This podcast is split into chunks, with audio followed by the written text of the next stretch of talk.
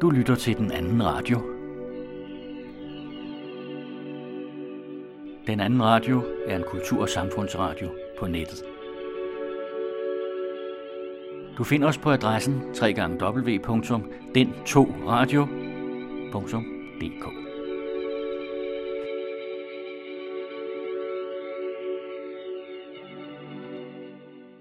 Her er den anden radio, og med podcast til indendørs glæde og udenfor i lyset. Geomets roser pressen for at fastholde regeringen og statsministeren på ansvaret for de syge børn i flygtningelejre på trods af krigen i Ukraine.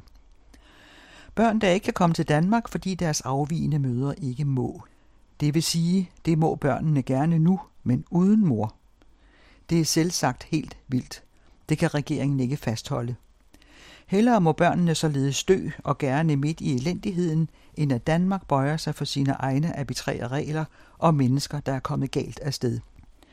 Det korte af det lange er, at regeringen har trukket sagen så vidt, at skaden er sket, og børnene ifølge savlige øjenvidner er rykket nær livsfaren. Menneskeligheden er deponeret i meningsmålinger, der nidkært læses, og medfølelsen nu sender pilen nedad i bekymring over den kolde ubøjelighed, påstemplede dansk fremmedpolitik, eller om vi ser principperne om den lille håndfuld kvinder og deres dygende børn revideret. I disse dage og uger, hvor ukrainske krigsflygtninge ankommer til Europa og Danmark, mediterer vores medarbejdere ganske kort over flygtningenes lod. Et er nemlig selve undtagelsestilstanden under flugten og kampen for at finde et helle, men det kan være mindst lige så vanskeligt at finde sig til rette i den nye virkelighed, der følger. Om han spiller på de store scener, eller om det er et ydmygt sted, der ligger hengemt fra det meste. For saxofonisten Jesper Løvdal er der ingen forskel. Han er der for publikum, og han elsker ganske enkelt at spille og komme med gode og finurlige toner til dem, der lytter. Han føler sig privilegeret og meget heldig, at han kommer rundt og oplever det store opbud af spillesteder og folk, der er kommet for at høre den musik, han leverer, uanset hvilken genre der er på programmet. Hedensted Kirke mellem Horsens og Vejle er bygget i 1150, og siden den tid er der talrige ændringer.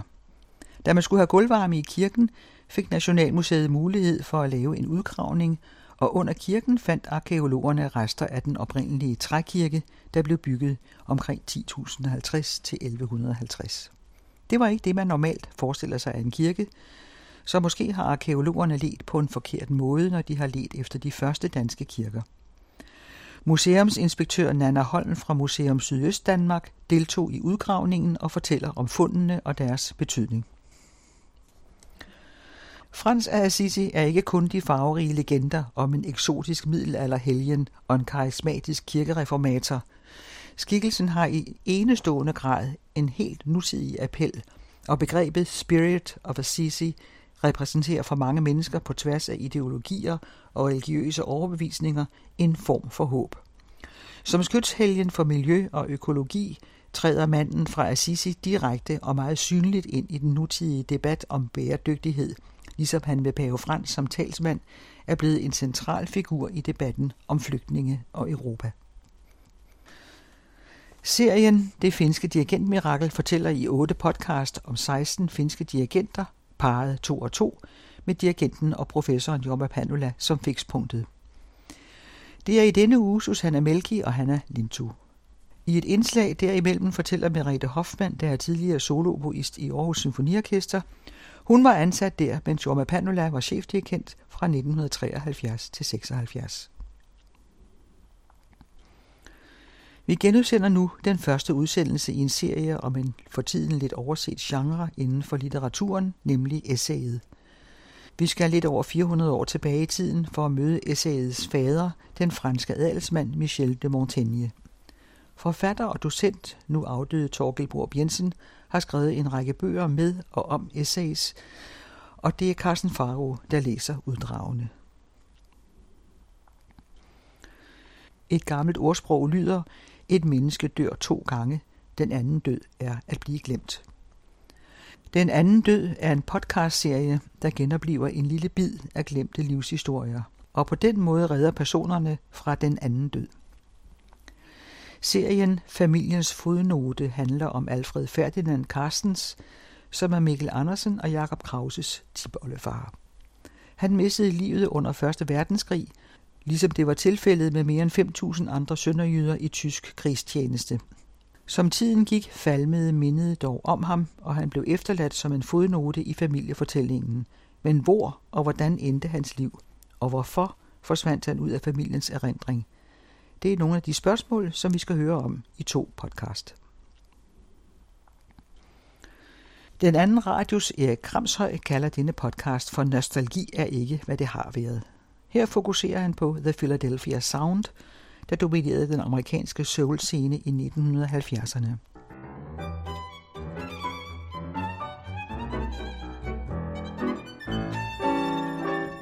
Det her er den anden radio. Her er Intermezzo.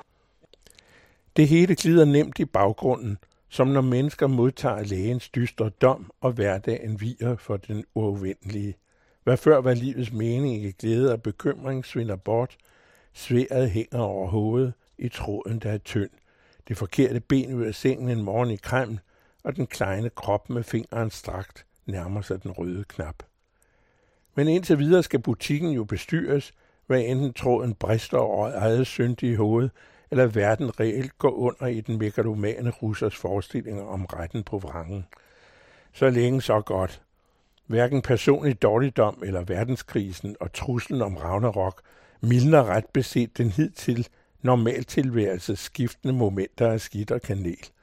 Kravet om anstændighed i forvaltningen bør ikke svækkes ved tanken om egen skrøbelighed og påtrængende detaljer som fredens forlis og verdens undergang. Pressen i almindelighed skal ikke have ros, og får det normalt heller ikke, men pressen bør i denne svære tid prises for at fastholde regeringen og statsministeren på ansvaret for de syge børn i flygtningelejre, ikke så farligt meget fjernere i kilometer end nærområdet Ukraine. Børn, der til gengæld ikke kan komme til Danmark, fordi deres afvigende mødre, de få, ikke har lov. Det vil sige, det må børnene, de få, gerne nu, nu igen, men uden mor. Det er selv sagt helt vildt. Det krav kan regeringen da indlysende ikke fastholde. Hellere må børnene således dø, og gerne midt i elendigheden, end at Danmark bøjer sig for egne arbitrære regler om mennesker, der er kommet galt afsted, og hvis velfærd og skæbne herefter ikke rager magtens bestyrere, der insisterer på, at møderne har valgt Danmark fra. Hellere skille børn fra mødre, end lade dem vende hjem til rettergang og muligvis fængsel og opsyn med børnene af rette myndighed. Lad nu blot børnene dø eller pådrage sig vare i men, end regeringen modererer umenneskelige, vaklende og retsløse principper. Det er ikke det fjerneste med statens sikkerhed at gøre, som påvist af sagkyndige tværtimod.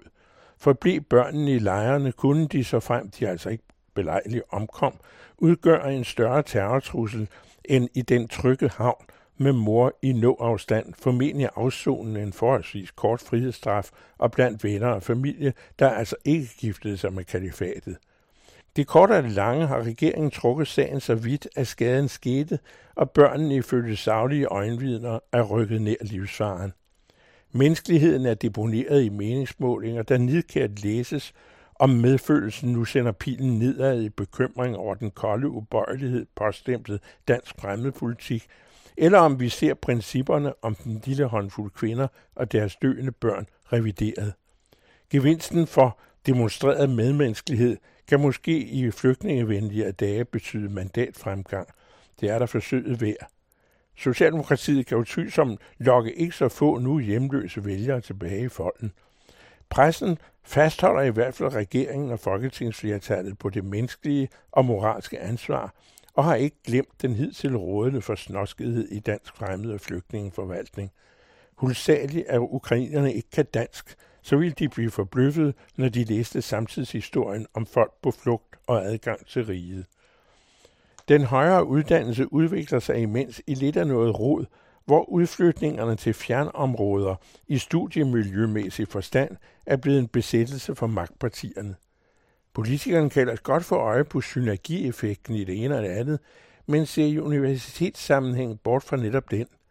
At udflytte uddannelser uden hensyn til faglige nærkontakter og netværkeri for resten af de studerendes liv er ikke klogt, men forringer vilkårene for udflyttede såvel som for tilbageblivende. Dispositionen er stadig mere forkrampet, alene i betragtning af, hvor få der bider på krogen, og retter tydeligvis ikke op på den strukturkatastrofe, der i sin tid jo livet ud af de mindre byer. Hvor havde man forresten Venstre dengang?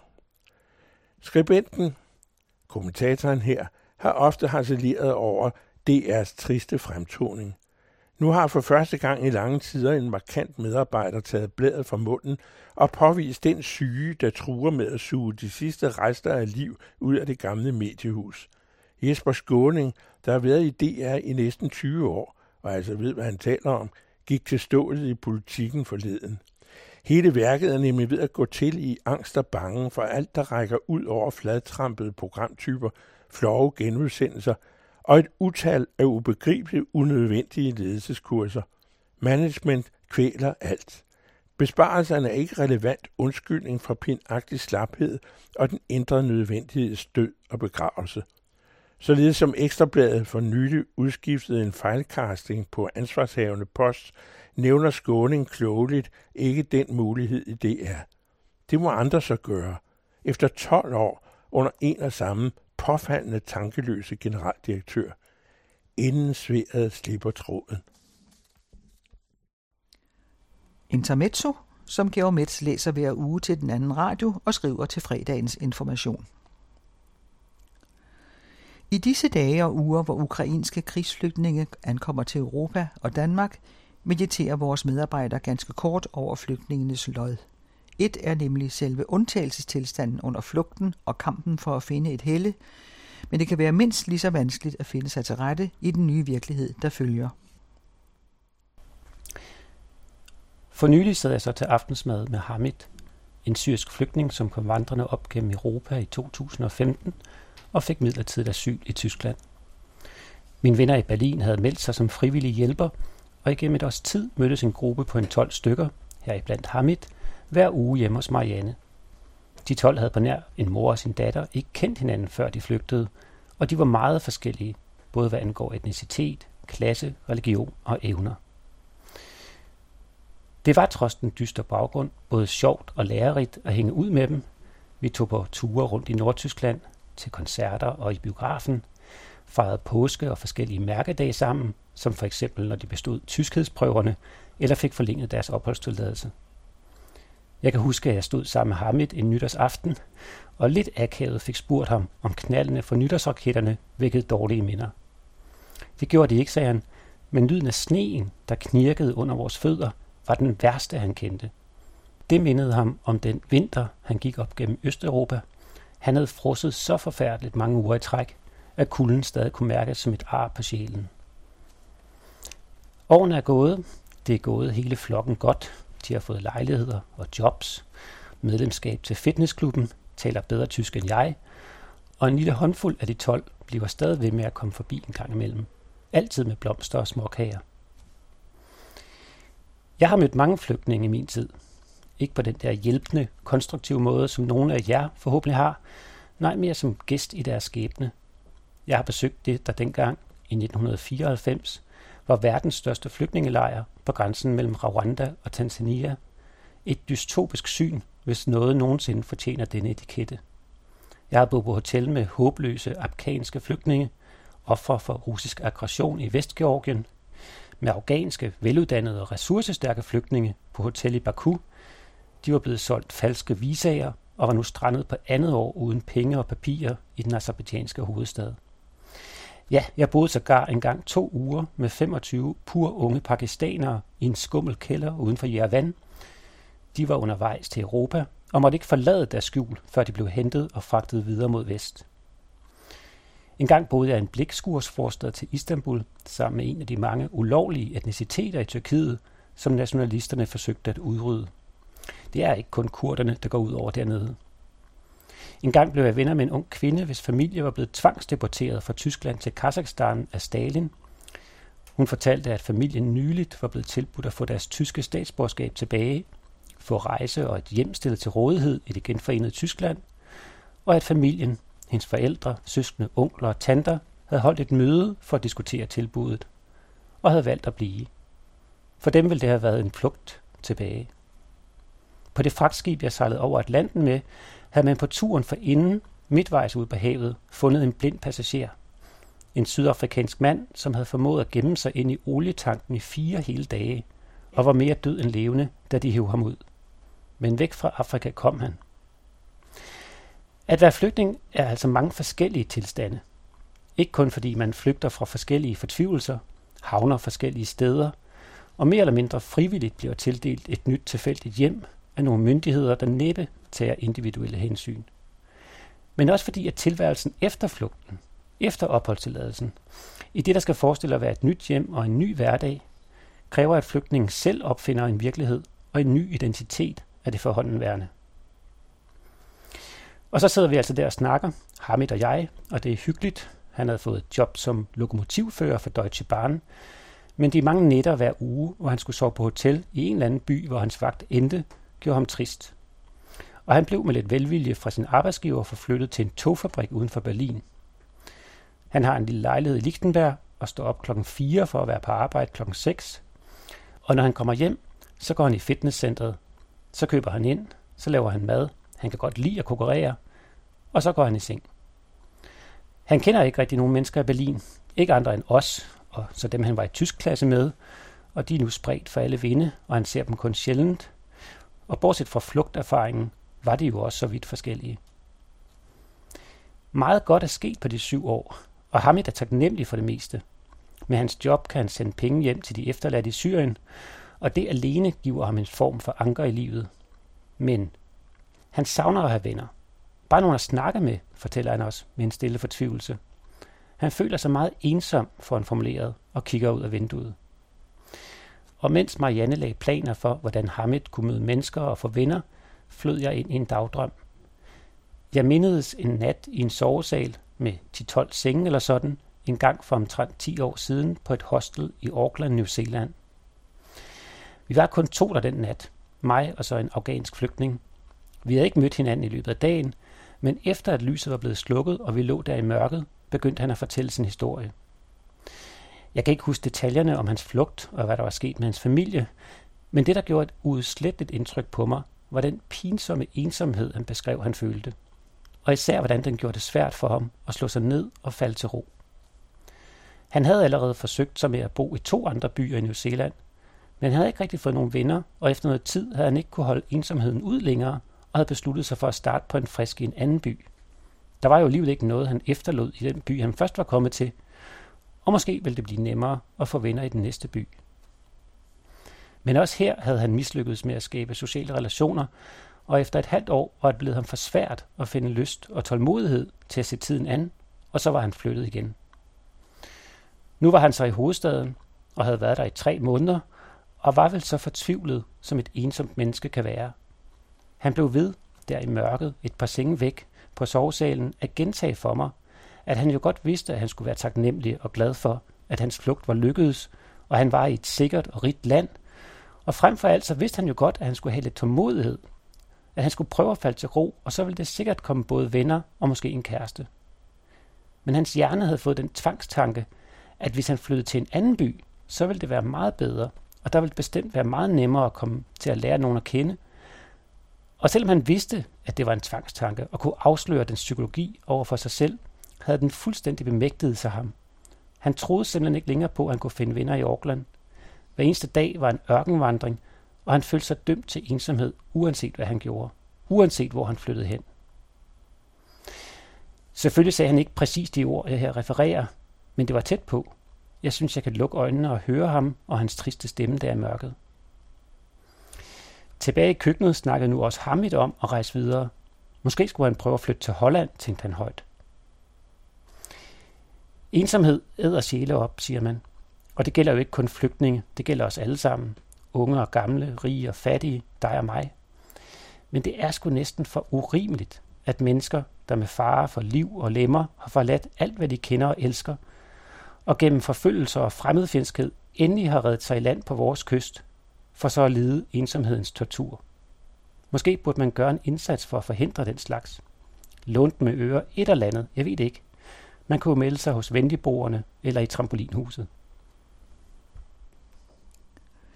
I hørte Rasmus Blede Larsen. Vi linker til venligboerne og andre flygtningehjælpeorganisationer på hjemmesiden. Om han spiller på de store scener, eller det er et ydmygt sted, der ligger hengemt fra det meste, for saxofonisten Jesper Løvdal er der ingen forskel. Han er der for publikum, og han elsker ganske enkelt at spille og komme med gode og finurlige toner til dem, der lytter. Pia Koppelmann fik en snak med ham, da han kom forbi redaktionen på den anden radio.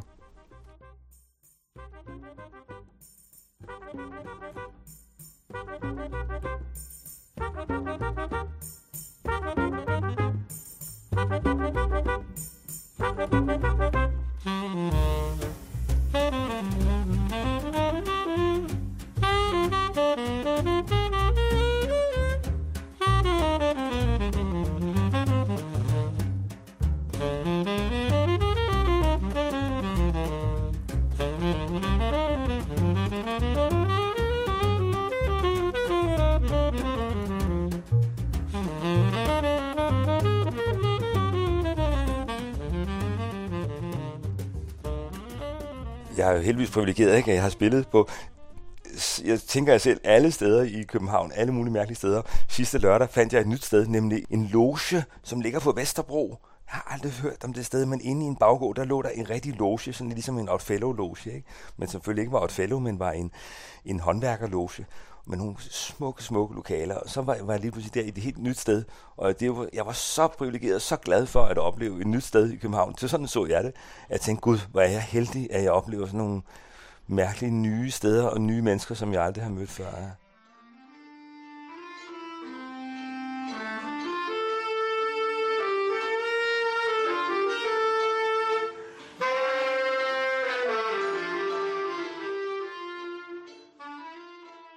Der er ikke noget med, at man skal være bange for at øh, sætte mig i en ny sammenhæng med nye musikere, nyt publikum. Det elsker jeg. Det sætter så, jeg allermest pris på i virkeligheden. Så her var det Lotion, der havde henvendt sig til dig, eller? Det var i hvert fald dem, der arrangerede, øh, nogen der havde lånt Lotion muligvis. Ikke? Og det var jo det, det er hemmeligt, det fandt jeg jo aldrig ud af, for du ved jo godt, hvordan det med Loja, det er jo meget hemmeligt, ikke? Så det var jo vidunderligt at komme ind i sådan et hemmeligt sted, for det var det. Det, det var en baggård, en, en mærkelig dør og en dobbeltdør, og så lige pludselig kom man ind, og så var der en hel verden derinde. Og du havde ingen, en saxofon med? Jeg havde saxofon med, jeg spillede for dem, og der blev danset. Ikke? Og det, det var bare et eksempel på det, ikke? Altså, hvordan kommer, man kommer ud nye steder. Men det kunne også være Lake House der, som jo er en fed jazzklub, der har åbnet. Vi kender jo alle sammen Søpavillon, som vi kendte kæmpe underholdningspalads, jo det det er, ikke? Men der er de simpelthen også åbnet en jazzklub, hvor der er musik om målsdagen.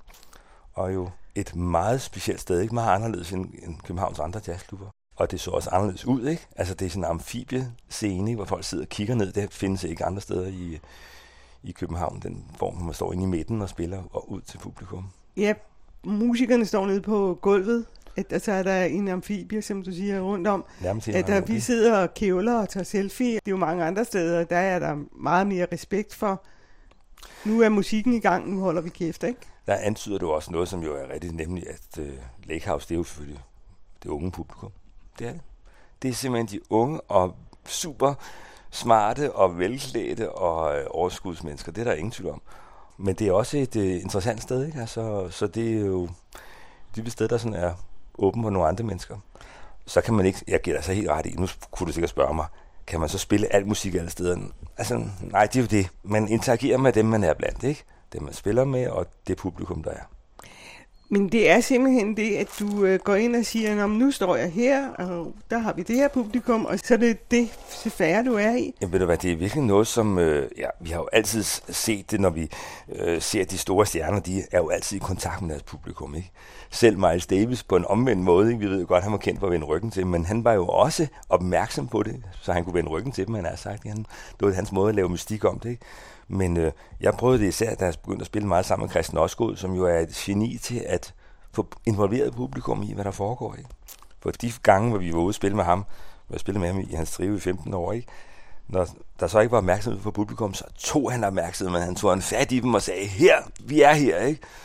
Det var super inspirerende for mig til at se, at man skal simpelthen sørge for at få publikum med. Altså, det er en helhedsoplevelse, og øh, ligesom når man går på Luciana, og der står en stor tekst om, hvad det her handler om. Ikke? Når man kommer ind på Luciana, ved vi godt, så står vi der og læser tekster om den her kunstners liv, og var gift med den, og flyttede derfra dertil.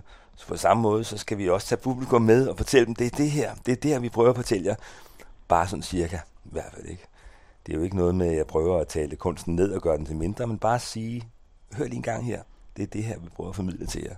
Ligesom vi jo elsker netop på i hvert fald moderne museums koncepter, ikke? Det kan godt være, at i gamle dage stod der bare sådan, hvem der havde lavet det, men nu om dagen, så ved man godt, når man kommer ud, så bliver man jo virkelig bragt ind i kunsten, og det er så fedt, det kan jeg, det kan jeg virkelig godt lide, altså. Ja, det kan jeg også mærke, at publikum kan lide, selvfølgelig. Altså, de, vil gerne, de vil gerne vide, hvad det er, vi foretager os. Og man kan jo sige, at som publikum, der kan du rejse dig og gå. Ja. Længere er den jo ikke. Ja, det er rigtigt. Og øh, det vil jeg jo gerne undgå. Så derfor vil jeg gerne fortælle dem, hvad det er. Og ved du hvad, jeg, du tror det er løgn, men jeg oplever virkelig, at alle, alle vil gerne vide, hvad det er, vi foretager os. Og nogle gange, helt klart, så det, kan lyden være fremmed for dem, hvis vi nu spiller for eksempel frit improviseret, ikke? så vi kender ned fra 5E og Kødbyen, hvor vi jo i høj grad bare improviserer helt frit. Men hvis, og hvis, når vi så bringer det til Hillerød, så kan det godt være, at det lyder lidt mærkeligt i deres ører lige umiddelbart, men så fortæller jeg dem, det her vi gør nu, det er det her, og det er det her, og det er det, vi gerne formidle til jer. Nå, okay, så åbner de op, og så sker der måske noget helt tredje, ikke også, fordi de kommer ind i det. Men så på den måde er musikken ikke bundet til stedet. Altså, du kommer ud og serverer, men kan jo servere meget bredt, fordi øh, det er jo helt sikkert ikke improviseret på samme måde, når du er ude med Daimi for eksempel. Nej, det er det selvfølgelig ikke, nej. Men ved du, det er sjovt, du siger det, for du har jo helt ret i, at, at vi er vant til, at steder, altså spillesteder, de har en bestemt profil, ikke? Og det er jo et gammelkendt koncept, og det virker selvfølgelig også. Men øh, det jeg godt kan lide, det er selvfølgelig at prøve at hive de grænser der, ikke?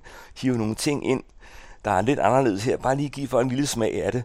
Og øh, især kan jeg godt lide, hvis jeg kommer til et sted, hvor der ikke er, hvor de normalt ikke har jazz, det kunne være en kunstforening i Midtjylland, ikke? så giver jeg dem en lille introduktion til, nu skal jeg høre, på en jazzklub i New York, der gør man sådan her. Og lige pludselig så kan jeg lave sådan en lille rum, selvom jeg sidder i et medborgerhus i, i, i Midtjylland, at hov, er vi egentlig ikke på en jazzklub i København eller i New York?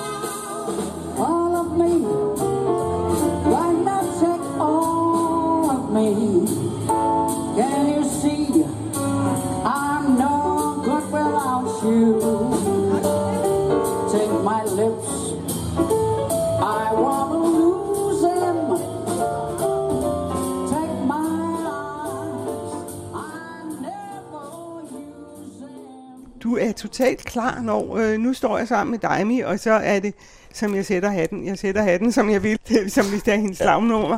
Og så er det bare det, øh, I er ude i, eller?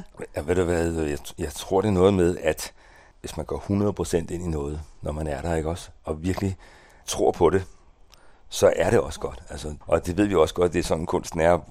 Så kan vi være ude for nogle gange i musik, at det kan blive ensformet, fordi man gør meget det samme, muligvis i et band. Men ved du hvad, det handler om simpelthen at tro på det, og det kan jeg kun opfordre alle til, der, der laver kunst, ikke? fordi mange moderne malerier kan man også sige, når øh, er det bare klatter? Ja, det er bare klatter, men det er faktisk klatter, jeg tror 100% på. Og det er måske i en bestemt sammenhæng, jeg har lavet 100 malerier, ikke? der er klatter i den retning, derfor så ved jeg virkelig, hvad det er, jeg laver.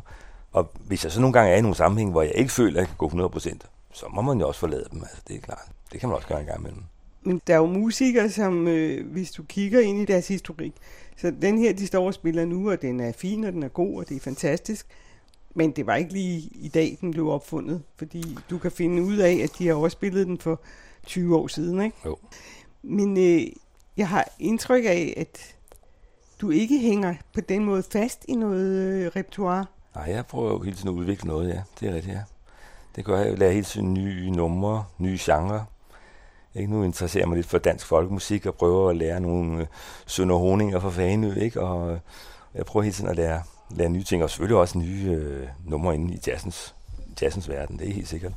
Og så er du helt ret i, at så nu har jeg brugt noget tid her i nogle år, at øh, lære Daimis repertoire, ikke? fordi det er klart, at det er jo afsigt meget respekt for, for vi ved jo godt, at hun har en øh, 60-årig karriere, ikke? Og, og bare lavet så meget musik, ikke? Så nu går jeg ind i det og finder nye måder at præsentere det på, ikke? sammen med Daimi, ikke? Og det er klart, så øh, det gælder jo alt kunst, ikke? I en anden grad, så lad mig selvfølgelig inspirere. Og nu vender jeg selvfølgelig også tilbage til noget, som jeg har været i gang med tidligere, og prøver at, at lave det om til noget, der er mere tidstypisk. Der er en ting med musik, ikke, som er, altså med musikkens kunstart, det er jo, som er anderledes end maleriet, det er, at med musik, det man, bliver man nogle gange nødt til at gentage det, for at nå ud til et publikum. Et maleri kan jo ses af mange mennesker, men hvis man spiller et nummer live, så bliver det hørt, at de mennesker, der er der, det kan være 25, det kan være 200, det kan være måske 1000, men det er stadigvæk kun 1000 mennesker. Hvis man skal virkelig have sin musik ud, så bliver man nødt til at spille den en hel masse gange, ikke, for at få den derud. Nu ser jeg bortset fra, fra udgivelser selvfølgelig ikke. Men altså i jazzmusik, så bliver man nødt til at spille tingene mange gange, for at øh, mange kan komme til at høre det. Det er jo simpelthen et præmis, ikke? Men når med hensyn til udgivelser, det er jo sådan også en øh, pussy format nu, fordi det er ligesom lidt eksklusivt.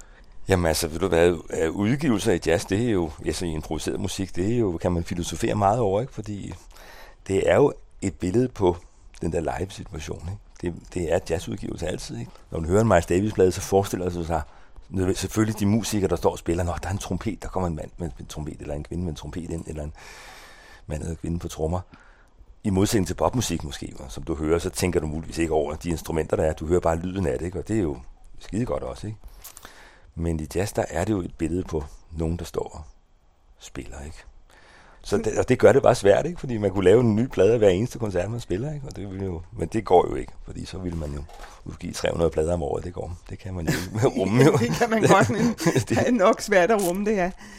Men Jesper, så er der en anden side ved dig også.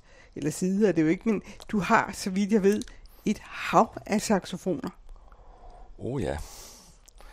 Ja. Hvad er nu det for noget? Altså, du kan heller ikke holde dig til...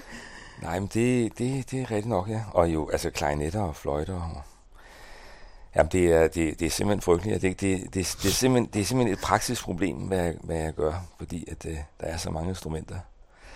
Har du talt på, hvor mange saxofoner du har? Jamen, det er selvfølgelig langt over 30, ikke, af forskellige, altså, for de har ja. også alle klarinetter og alle fløjter, ikke, og, ja. og selvfølgelig en masse etniske instrumenter. Det er, det er virkelig et problem, ja. Men det kom så selvfølgelig af, at jeg også var passioneret af, af lyd, ikke? Og øh, vi ved jo godt, at man skal, når, når folk er rigtig gode til at spille på et instrument, så er det jo også en helt grundlæggende kærlighed til lyden af det instrument. Ja, det lyder banalt, ikke? men det er det selvfølgelig. Hvis man er en super violinist, så er det fordi, man elsker lyden af violin selvfølgelig. Det bliver man nødt til, ikke? Men jeg har også bare haft kæmpe stor interesse i den variation af lyd, ikke? Altså, øh, jeg har stadigvæk øh, til gode at øve mig meget på min obo, men jeg har også en obo derhjemme, ikke? Og jeg var, var ude og kigge efter, kunne man få, finde en godt et sted, ikke? Som, som viser sig at være helt vildt dyr, selvfølgelig. Fordi jeg bare interesserer mig for lyd, simpelthen. Og forskellige lydfrembringelser. Og så, nu er det jo klart, det er blæseinstrumenter, der er sådan mit hovedfelt, ikke? Men øh, det kunne være alt muligt. Og det har jeg valgt at prøve at gøre til en fordel, ikke? frem for en ulempe. Ikke? Så derfor så interesserer jeg mig for alle mulige roller i, i bands. Ikke? Altså, om man er oppe i toppen og spiller tværfløjte, eller man er nede i bunden og spiller bass-saxofon. Ikke? Jeg prøver at, at ramme det hele.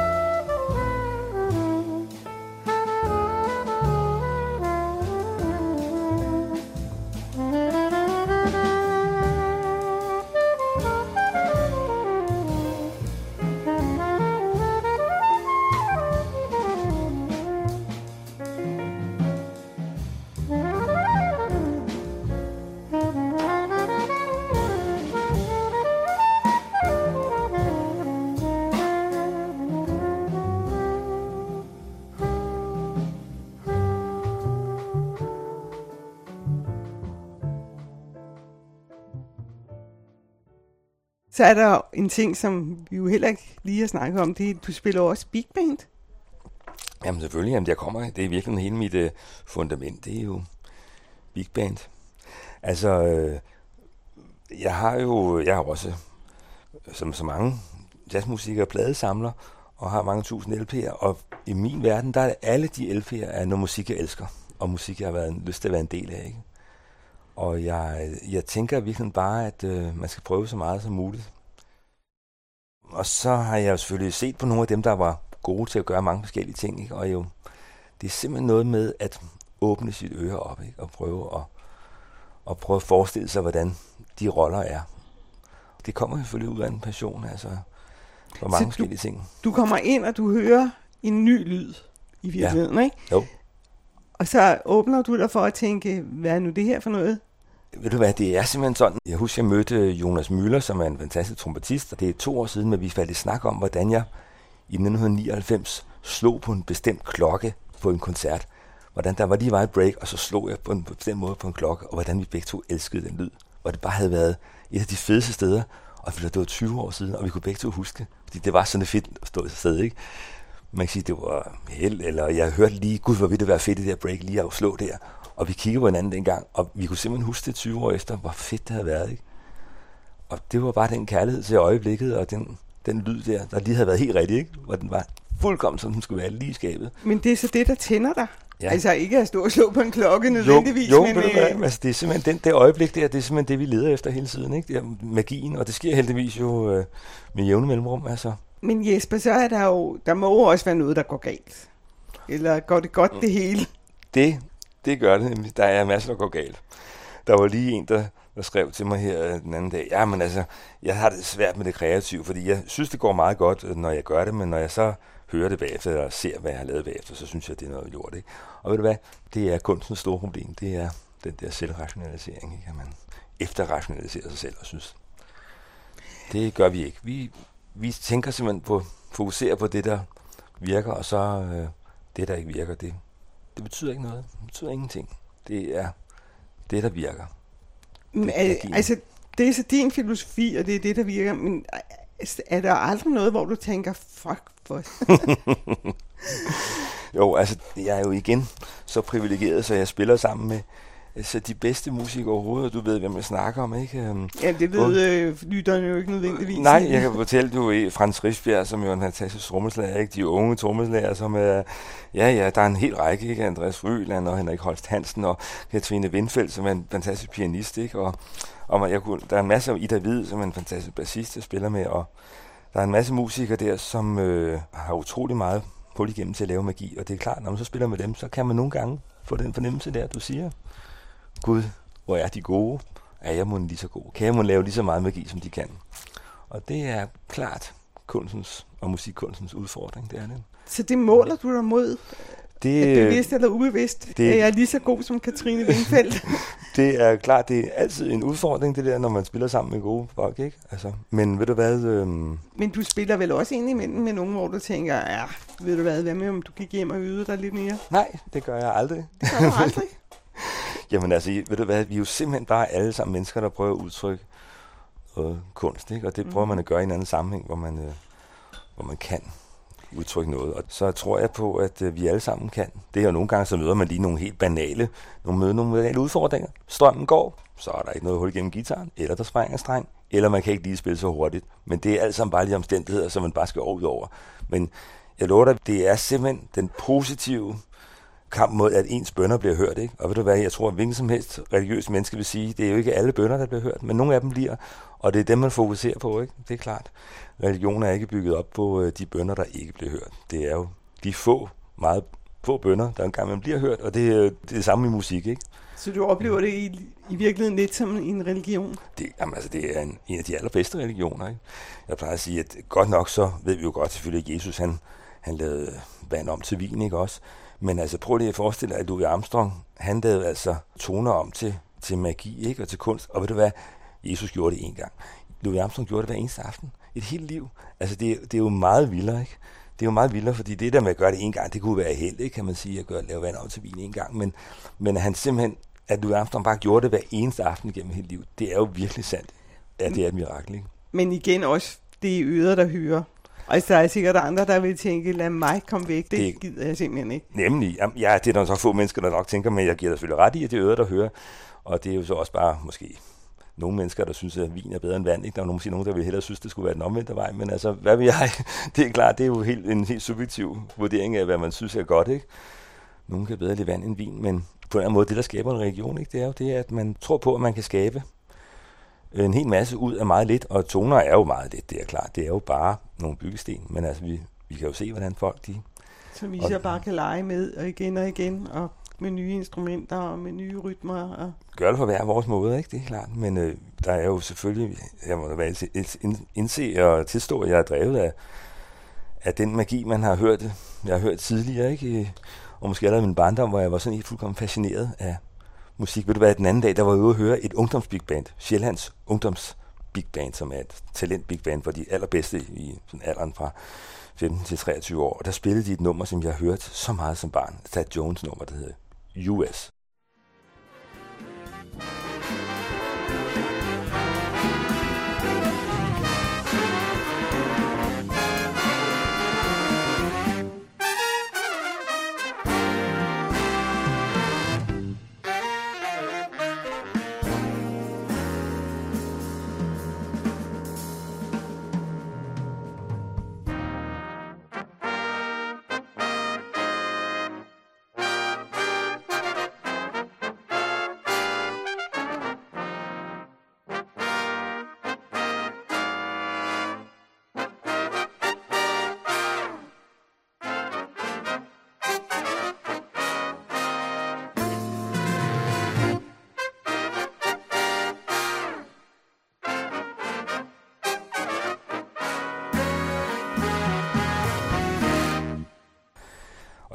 Det nummer, kan jeg huske som 13-14 år. Jeg siger det, jeg fik totalt, jeg fik simpelthen kuldegysning over i hele kroppen, af at høre dem spille det nummer.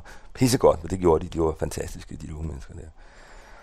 Og jeg, jeg fik simpelthen, øh, jeg, jeg genoplevede hele min, min glæde ved, ved jazzen, ikke? Og ved at høre dem spille det nummer, fordi det var som at være 13 år igen, og bare være helt fascineret af, hold da op mand, og jeg elsker det her musik. Men Jesper, det får mig også til at tænke på, at du har jo også undervist børn og undervist dem i musikskrivning, og har jo påstået, som jeg har forstået det i hvert fald, mm. at alle kan jo lave musik. Det vil jeg så påstå. Det tvivler jeg på, at jeg kan. Men, det er jeg sikker på, at du vil være oplagt til så, mange, så meget musik, og du har hørt, og så meget passion, du har for musikken, men, men det er rigtigt, jeg har undervist meget, og faktisk sjov nok, så er jeg begyndt at søge mere og mere hen mod at undervise børn, som, eller unge, eller på den sags skyld vores publikum, i, som slet ikke har nogen forudsætninger for det, ikke? fordi det er næsten sjovere, at, øh, som jeg også gjorde sammen med Christian Oskud, at undervise nogen, som, som simpelthen bare er helt nye i det, og som, hvor det er helt frisk, ikke? hvor de bliver fascineret af bare, at gud, jeg kan skabe noget lige her. De får en håndbold i hånden for første gang. Jeg kan, jeg kan kaste den, jeg Ja. kan gribe den. Ja, simpelthen godt. ja. Og, og så, øh, klart, så øh, formidler vi selvfølgelig med dem, ikke? Og fordi vi ved, hvilken retning de skal gå, ikke? så vi spiller selvfølgelig sammen med dem, men altså, det er en helt utrolig fornemmelse. Og øh, vi gør det også sammen med, med Daimi i øvrigt, fordi at når, når vi spiller med Daimi, så får hun folk til at synge med, ikke? og hun får dem med, og som du kan forestille dig, så har hun jo folk i sin hulehånd, ikke også? Og øh, for mig er der fuldkommen en total forbindelse mellem, at hun får vores publikum til at synge med til, på en dansk sang, og til at det, at med, med 20 børn og får dem til at lave fri musik, bare med at lege med instrumenterne, ikke?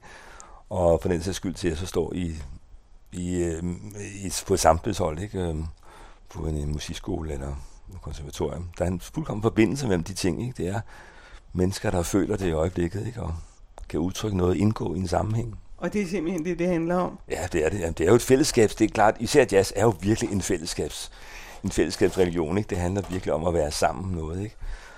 Og selvom man på den sags skyld spiller solo, ikke? men det handler virkelig om at improvisere sammen, ikke? lytte, interagere med hinanden. Ja, fordi hvis du spiller solo, så spiller du vel i virkeligheden også sammen med publikum. Det gør man. At Sammen med det- publikum. Og nu skal jeg sige noget, der lyder mystisk. Og man spiller til sig selv. Man spiller sammen med sig selv. Man spiller med, man spiller med, med de pauser, der er. Altså man spiller med noget andet, end det der er. Det lyder utrolig mærkeligt, men jeg lover dig, når vi spiller musik, så, så hører vi alle mulige andre ting også, som ikke er der, som vi spiller til.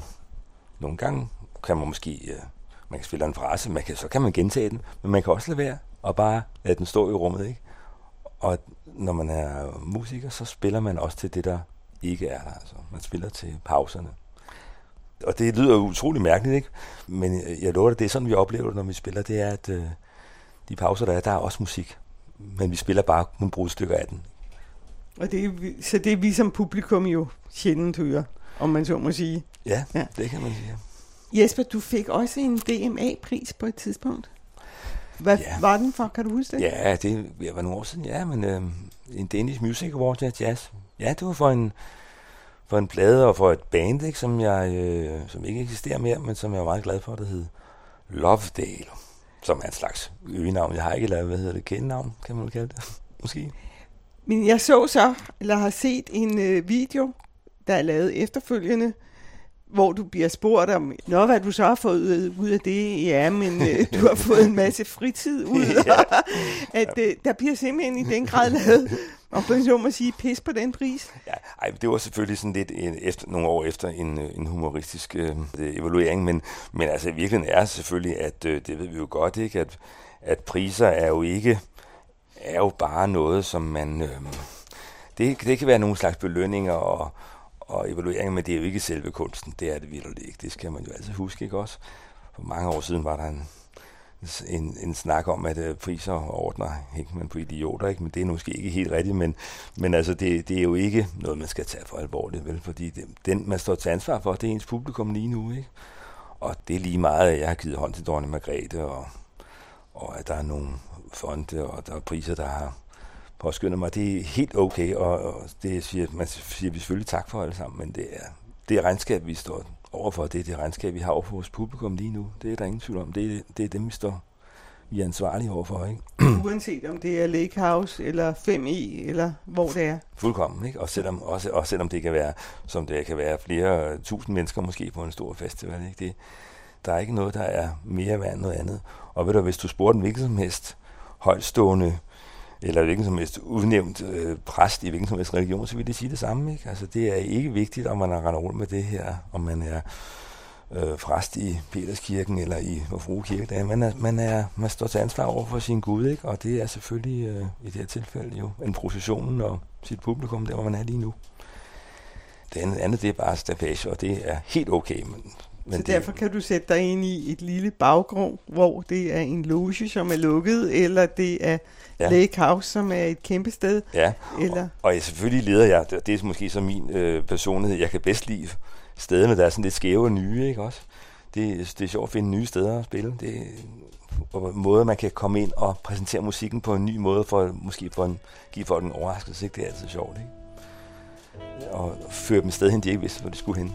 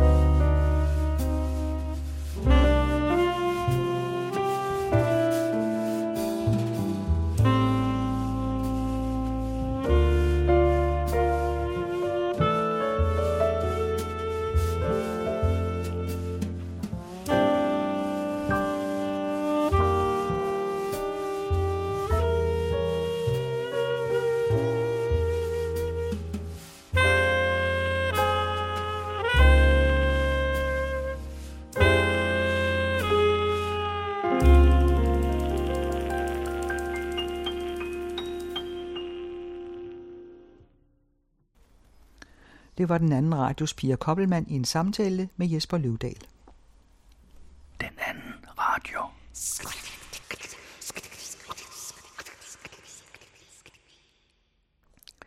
Hedensted Kirke er en middelalderkirke bygget i sten, men en udgravning af kirken viste en ældre bygning i træ.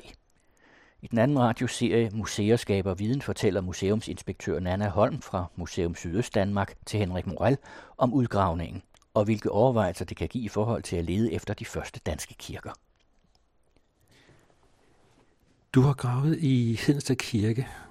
Det er en kvaderstenskirke, men øh, der har også været noget i forvejen.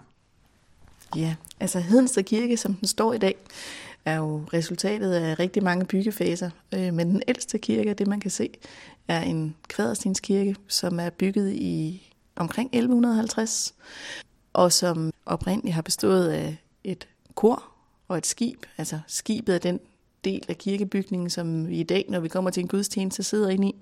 Og koret er, er der, hvor alderet står. Men før vi fik den her kvaderstenskirke, bygget i omkring 1150 i Hedensted, så har der stået nogle bygninger af træ. Om det har været trækirker, eller om det har været værtslige bygninger, det ved vi ikke. Men øh, mange stolpehuller fandt vi i hvert fald. Det var sådan, at da vi lavede udgravningerne i Hedensted Kirke i 2007 og 2008, det er en undersøgelse, der er lavet af Nationalmuseet i forbindelse med, at man skulle have gulvvarme i Hedensted Kirke. Så fandt vi utrolig mange spændende lag, selvfølgelig fra, fra selve kirkens funktionsperiode, altså den nuværende kirke.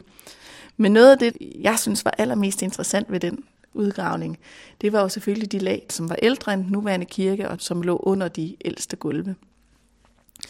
Vi fandt nemlig flere stolpehuller og et lergulv, som øh, stratigrafisk tydeligt kan, kan ses, at det er ældre end den nuværende stenkirke. Og det leder selvfølgelig tankerne hen på, om det her det skulle være en trækirke, nu når den lå så præcist under den nuværende kirke, eller hvad det var. Tilbage i 2007, da vi fandt de første stolpehuller, rendte vi jo rundt og tænkte, vi har fundet en, en trækirke, og efterhånden som vi registrerede de her stolpehuller, blev vi mere og mere frustreret, fordi vi simpelthen ikke kunne få den her trækirkeform, som vi forestillede os, den skulle være. Altså bestående af et rektangulært skib og et, et kvadratisk kor, der sad for enden, som man ved stolpehullerne vil se som seks eller otte stolper, der ligesom står på række og danner skibet, og en fire eller seks stolper, lidt indsnævret i forhold til skibet, som så skulle danne koret. Det kunne vi ikke få ud af det materiale, vi stod med. Og derudover så fandt vi jo også det her lergulv omkring nogle af stolperne. Men altså lergulv, der også gik ud på det, man kan kalde for bagsiden af stolperne. Det vil sige, at stolperne havde altså ikke stået i det her hus i væggen, men havde stået inde i huset, præcis på samme måde, som vi også kender det fra forhistoriske huse, altså fra jernalderen og fra vikingetiden, og når vi går endnu længere tilbage. Så de altså stået som sådan nogle indre tagbærende stolper, og væggen skulle altså findes minimum en halv meter længere ude end, end de her stolper. Og det satte jo tankerne i gang, for hvis vi finder det her i Hedensted Kirke, hvad er det så, man har fundet så mange andre steder, når man har gravet ind i kirkerne? Så vi gik i gang med en større arkæologisk undersøgelse også, og fik øh, undersøgt mange af de gamle gravninger. Men øh, I forventede, at kirken skulle se ud på en bestemt måde, trækirken, der skulle være derinde? Ja, altså det klassiske eksempel på en trækirke er jo kirken fra Hørning, som er rekonstrueret på Moskov Museum. Altså den her trækirke fra 1000-tallet med et kor og et skib, og med vægkonstruktionen som den tagbærende konstruktion. For mange har det været sådan den, den klassiske forestilling om, øh, sådan ser en kirke ud, og det gør den jo også, når du kommer i midten af 1100-tallet frem. Eller hvis du kigger til det tidlige materiale fra Lund, med sådan en som øh, Sankt Drotten for eksempel, som jo også er bygget af træ, men er bygget som kor og skib. Men når vi begyndte at gå det her arkivaliske materiale igennem gamle udgravninger, hvad det egentlig var, de havde fundet, så blev der jo sat flere og flere spørgsmålstegn til vores forestilling om, hvad en kirkebygning skulle være, og hvad der egentlig er fundet arkeologisk. Man skal jo altid huske som arkeolog, at vi har nogle forestillinger om, hvordan verden ser ud i dag, og vi har nogle forestillinger om, hvordan ting skal være. Og man skal nogle gange lære at træde det her skridt tilbage og sige, Hvad nu, hvis de ikke vidste, at en kirke skulle se sådan her ud? Var det virkelig nødvendigt, at en kirke skulle se sådan her ud? Og sådan kigge meget nøgtern på, hvad, hvad materialet faktisk fortæller os, og ikke hvad vi ønsker at finde. Og så skal man også huske at inddrage andre fagvidenskaber. Det kan godt være, at vi har nogle traditioner inden for arkeologien, der siger nogle bestemte ting, men hvis vi for eksempel taler med religionshistorikere, hvad er deres opfattelse så af den tidlige kristendom, og hvor den skulle dyrkes. Og mm, sådan med de her rettænkninger af, de gamle gravninger, og se meget nøgtern på, hvad fandt de faktisk, og ikke kigge på tolkningerne, men kigge på det faktiske materiale, og tale med kloge folk, der ved en masse omkring, øh, hvordan de har opfattelsen af den tidlige kristendom og dyrkelsen af den, så fandt vi ud af, at man måske skal kigge på det her på, på lidt andre måder. Og det prøvede vi så. Vi øh, begyndte at betragte de her stolper som øh, et langhus, som et træskibet langhus, altså som man kender fra jernalderen, som man kender fra vikingetiden. Og øh, det begyndte egentlig at falde meget godt overens med, hvad det var, vi fandt. Vi er lidt usikre på, at materialet er simpelthen ikke stærkt nok i Hedensted Kirke til at sige, om vi har en eller to forudgående bygninger. Det vi i hvert fald kan sige, det er, at den bygning, vi har fundet rester af i koret og i den østligste del af skibet, er en bygning, der stod umiddelbart forud for, at kirken blev opført.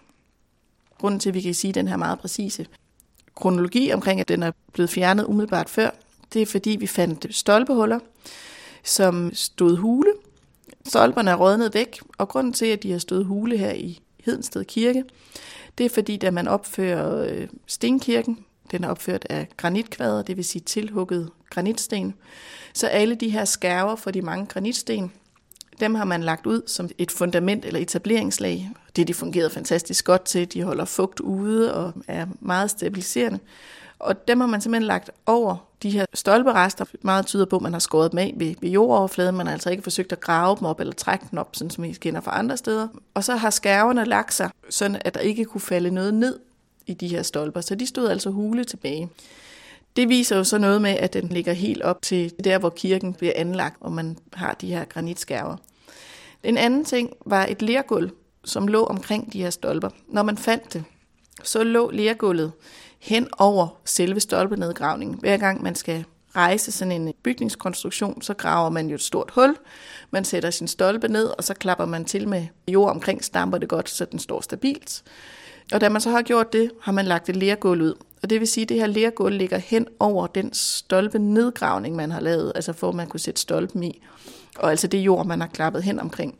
Men det stod ikke der, hvor stolpen var, eller der, hvor stolpen har været. Det vil sige, at vi havde sådan en ring af manglende lergulv, der hvor stolpen har stået op igennem, og som stemte fuldstændig overens med det, der øh, nedenunder var det hulrum, hvor stolpen var rødnet væk i. Det her lergulv kunne vi også se, som sagt, ude på bagsiden af stolperne, altså ud mod den side, hvor man ellers havde forventet, at den væg ville have været. Og dermed indikerer det, at husets væg har stået længere ude. Vi kunne så også se, at det her lergulv er forstyrret af nedgravningerne til den nuværende kirkes fundamenter. Så vi fandt aldrig væggen, og det er også derfor, vi, vi ved ikke, hvor stor den her bygning præcist har været. Vi har regnet med omkring 105 kvadratmeter som minimum, men altså også mulighed for, at den har været større. En del af diskussionen gik nu på, om den her bygning, vi så havde fundet, om det var en ganske almindelig værtslig bygning, er det resterne af en gård, eller er det en kirkebygning? Og der har vi selvfølgelig haft naturvidenskab minde over. På lergulvet, vi fandt op i koret, fandt vi et smuslag. Rummede det her smuslag noget, der kunne indikere husdyrhold eller kornopbevaring eller andre ting. Der var intet af den type. Vi har heller ikke nogen genstandsfund fra laget, så det er ikke sådan, at vi har fundet tenvægte eller mønter eller andet, der eventuelt kunne være tabt, som sådan ligesom kunne give en indikation af, at vi var et bestemt sted. Men vi havde nogle elementer, der gjorde, at vi blev lidt i tvivl, om det her måske alligevel var en kirke. I den allerøstligste del af stolperne, som vi fandt i koret, der fandt vi øh, en fortykkelse af det her lergulv. Altså på resten af gulvet havde det sådan cirka en, en 5-7 cm i tykkelse, og så med det her smuslag ovenpå. Men hen imod kirkens østende, så blev det her lerlag inden for et bestemt område meget tykt, over 20 cm i tykkelse, og smuslaget var væk. Der var ikke noget smuslag. Det vil sige, at man har ikke gået og trampet på gulvet i det her område. Og der er det jo klart påvirket af, hvor vi er, at vi begynder at tænke, kunne det her være stedet for et alter? Er sådan, man fra skriftlige kilder øh, kender til alterkontinuitet, altså at man gerne bygger aldret samme sted, og man kan sige, at i den nuværende Hedensted Kirke passede det også med, hvor alderet står i den nuværende kirke. Havde vi fundet det ude på en mark, er jeg ikke sikker på, at vi nogensinde ville være kommet hen i nærheden af de konklusioner eller tanker. Men det er jo klart, når vi er præcis der, hvor vi er. Vi kunne ikke lade være med at lege med tanken om, kunne det her være stedet for et alter. Vi, vi kommer aldrig nogensinde frem til en sikker konklusion omkring, om det er en kirke eller ej. Men man kan jo i hvert fald tænke over det. Når vi så går til den anden ende, altså den vestligste del af den her bygning, vi har fundet, så er der dels nogle stolpehuller, som kunne stamme fra noget byggeri omkring den her, men altså også kan stamme fra et, et andet og ældre hus. Stratigrafien, altså selve jordlagene, var ikke så tydelig, når vi kom ned i skibet. Der er sket ret mange ting sådan i løbet af den nuværende kirkes 950 års lange historie. Der er lavet vælv, der er udskiftet gulve, der er sket ufattelig mange begravelser, specielt i 16- og 1700-tallet. Og man har øh, i 30'erne lagt et varmesystem ind, altså hvor man øh, har gravet ned. Så det vil sige, at tingene var meget forstyrret ude i selve skibet. Og derfor havde vi heller ikke noget bevaret lærgulv. Så præcis hvilke stolper, der har hørt til hvad, øh, blev noget mere usikkert. Og blandt andet så kan jeg fortælle om stolper, vi er ret sikre på hører til velfslagning af kirken, altså i 1400-tallet, stod side om side med nogle af de her stolper, som kunne stamme fra noget ældre. Og det vil sige, at vi begyndte frem for stratigrafien, som jo er den sikre måde at ligesom sige en rækkefølge på. Først så kom det, så kan vi se, at det her ligger ovenover, så kom det, og så kom kirken efterfølgende. Så havde vi de her ting, der stratigrafisk set var lige gamle når man kiggede på dem i jordlagen. Man kunne ikke se, hvor de blev gravet ned fra. På den måde, så kunne de være lige gamle. Men i nogle stolpehuller, så kom der sådan noget som for eksempel tegl. En ret god indikator for, at de er opstået i middelalderen. Det vil sige, når man har stået og gravet ned til den her stolpe, så er der faldet nogle teglstykker med ned, og det vil sige, at vi altså øh, i forhold til Hedensted Kirke, sandsynligvis op i 1400-tallet, hvor velfslægningen er der, man begynder at bruge tegl inde i Hedensted Kirke så har vi nogle stolpehuller, hvor der både i nedgravningen af stolpen og i selve stolpesporet var rester af de her skærver fra kvaderstenene, og også frødstenskvader, eller rester af frødstenskvaderne. Og det vil sige, at vi er oppe i kirkens byggeperiode, det vil sige nogle stolpehuller, der først er gravet efter det her byggemateriale er introduceret på stedet. Og så har vi altså nogle stolpehuller uden den her forurening af byggematerialer eller hvor der kunne i selve stolpesporet, altså der hvor stolpen er rådnet væk, kunne være trængt lidt rester ned i toppen af de her byggematerialer. Og de stolpehuller kan altså godt være ældre. Men der er vi ude i spekulationer, så dem har vi ikke sådan regnet med på den sikre måde. Udover stolpehullerne i Hedensted Kirke fandt vi også nogle andre interessante ting. Vi fandt blandt andet to brønde. Og de her to brønde, kan man sige, jamen det kan jo bare være en brønd, der hører til den gård, der nu har ligget her. Men øh, brøndene havde øh, fuldstændig de samme dimensioner, 2 gange 2 gange 2 meter. Samme dybde, samme udformning. Og i forhold til den nuværende kirke, så ligger den ene brønd lige inden for den gamle kvindedør, og den anden lige inden for den gamle mandedør. Altså så det vil sige inden for nord- og syddøren i kirken. Og det virker som om, at dørene respekterer brøndene og deres afgrænsninger, og man har gjort meget ud af at fylde dem op korrekt, sådan at, at dørene kommer til at ligge lige præcis der. Selve brøndene har været træsatte, og ser ud som om, de har haft en meget kort funktionsperiode. Og de har ikke det her profane look. Altså, der er ikke mange rester af blade eller andre ting nede i. Altså, det virker som om, de på en eller anden måde har været beskyttet fra deres omgivelser, altså så der ikke faldt så meget snask ned i dem. Det kan jo selvfølgelig også være, at man har renset brønden på et tidspunkt, og det er derfor, vi ikke finder det. Men umiddelbart er der ikke noget, der tyder på, at jeg har haft en lang funktionsfase og har været særlig udsat sådan af vind og vejr. Brøndene er præcis som stolpehuller og de andre ting, vi så har fundet i den her tidlige fase, dateret til anden halvdel af tusindtallet. Og øh, brønde kender vi fra andre kirker, sådan i de her tidlige faser. Vi kender det fra Roskilde Domkirke med hvor den ældste del fra omkring 1080 også har en brønd. Vi kender brønde fra øh, Lund, fra kirkerne derop, og de steder er de øh, blandt andet blevet diskuteret, om det her det kunne være dåbsbrønde, eller om det kunne være vigevandsbrønde. Altså brønde, som man har brugt i forhold til de her første mennesker, der skulle komme til og, og kristnes. Og hvis vi sådan går til 1100-talskirkerne, så dengang stod døbefonden jo også nede, hvor man kom ind i kirken, så man kunne blive døbt, før man, man trådte ind i kirken, og ikke som i dag, hvor de står op ved koret. Så det var jo sådan også en, en tanke, vi legede lidt med. Men vi kommer aldrig 100% frem til en endelig konklusion, om det her det er en kirke, eller om det er en værtslig bygning. Så vi plejer at sige, når vi har en vigevandsdetektor, og vi kan begynde at undersøge den slags, der skal kræves jo ikke så meget af at have en, en, kirke.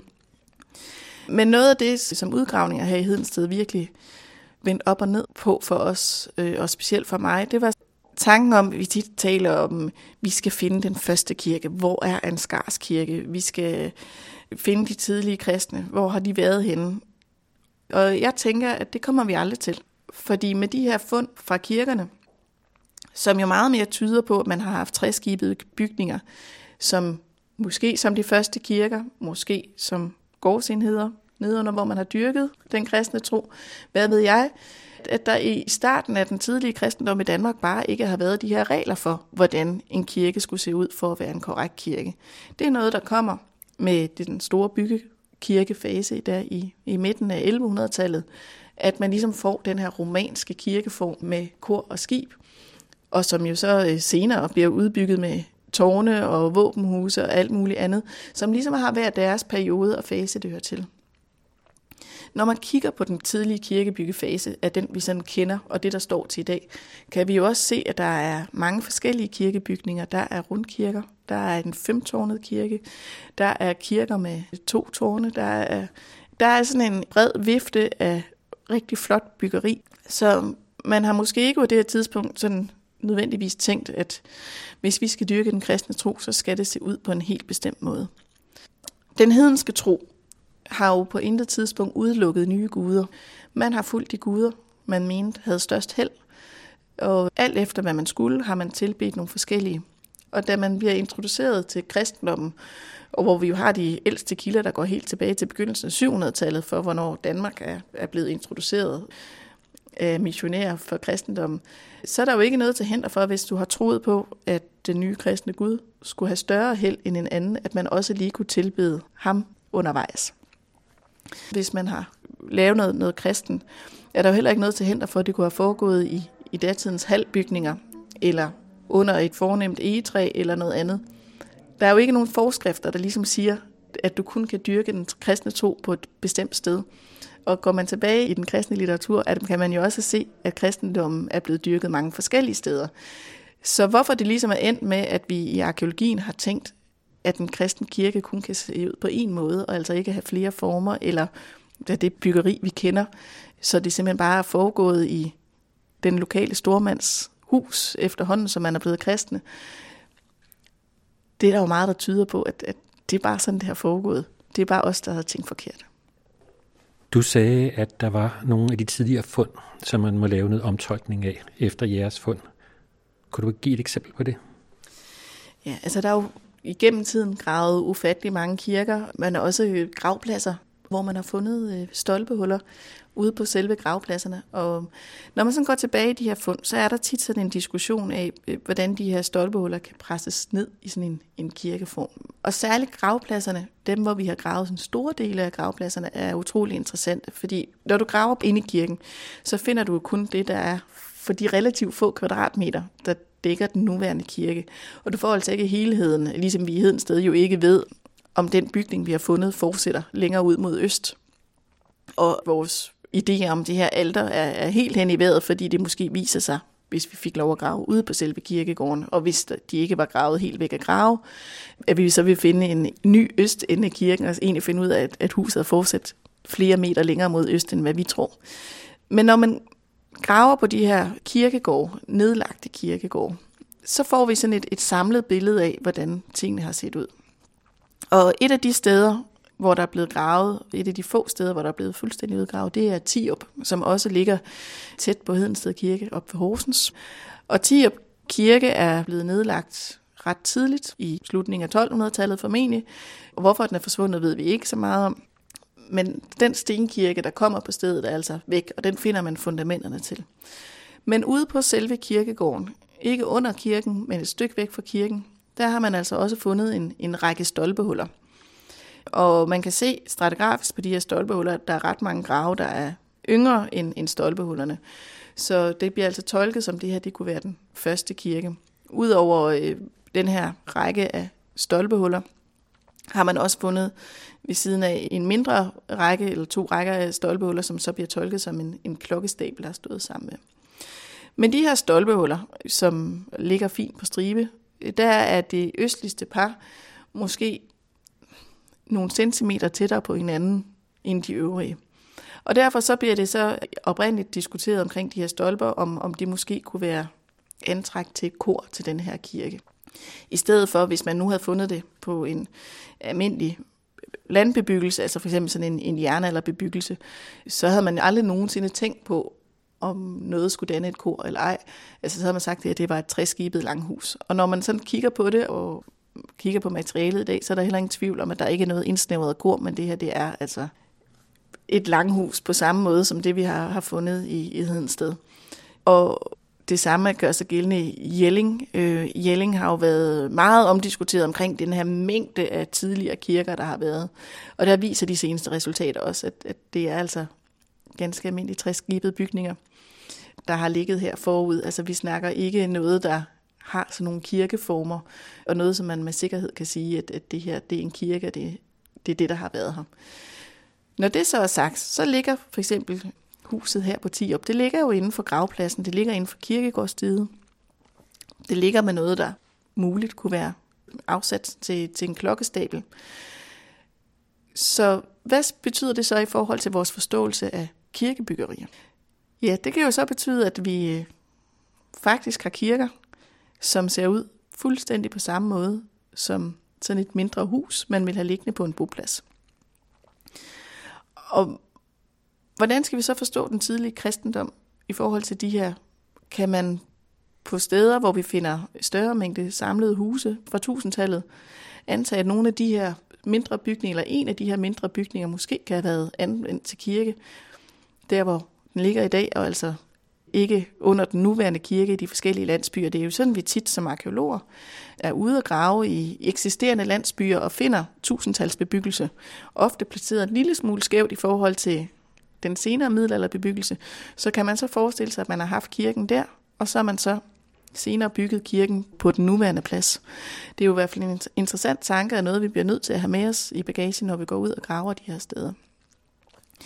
Hvis vi går til et lidt andet sted i landet, i dag uden for vores grænser, men jo i middelalderen, øh, det danske område Hedeby, som ligger ved Slesvig, så øh, har vi jo ret mange skriftlige kilder omkring ting, der er foregået i Hedeby, og altså også omkring de her kristningsprocesser, der er foregået i Hedeby.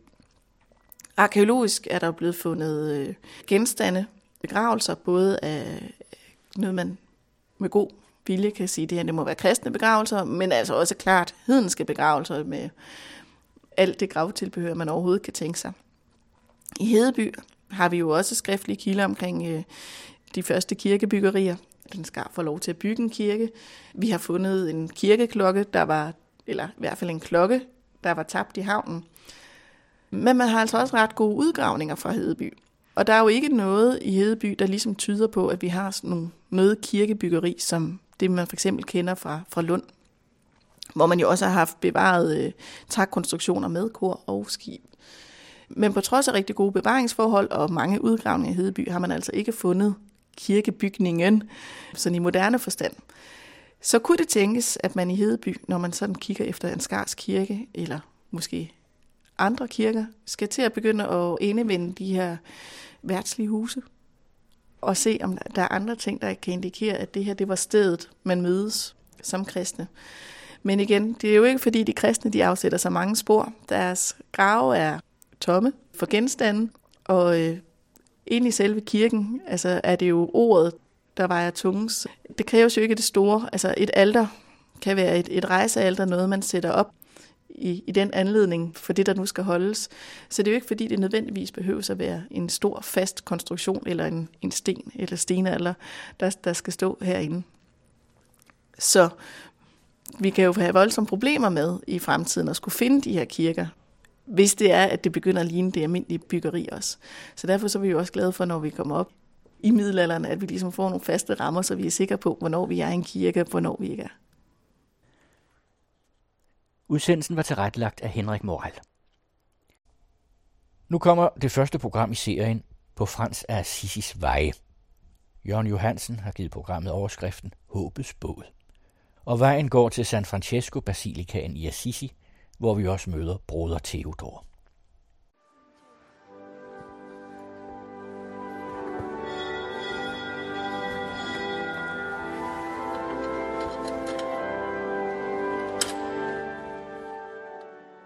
Frans af Assisi er en af den europæiske historie og kulturs mest ikonografiske og tidløst inspirerende skikkelser. Hvem kender for eksempel ikke billederne af helgenen, der prædiker for fuglene, eller som med skulderen holder en kirkebygning fra at synke i grus. Men Frans af Assisi er ikke kun de farverige legender om en eksotisk middelalderhelgen og karismatisk kirkereformator. Skikkelsen har i enestående grad en helt nutidig appel. Og begrebet Spirit of Assisi repræsenterer for mange mennesker på tværs af ideologier og religiøse overbevisninger en form for håb. Som skytshelgen for miljø og økologi træder manden fra Assisi direkte og meget synligt ind i den nutidige debat om bæredygtighed. Ligesom han, som fredstifter i en korstogstid, har et klart budskab til en epoke, hvor konflikter også mellem islam og en kristen vestlig verden præger verdensbilledet mere end nogensinde. At den nuværende pave, som den første i kristendommens historie, har taget navnet Frans, siger noget centralt om den religiøse og politiske overlevelses- og inspirationskraft i købmandssønnen fra Assisi, der fik tilnavnet Il Poverello, Guds lille fattige.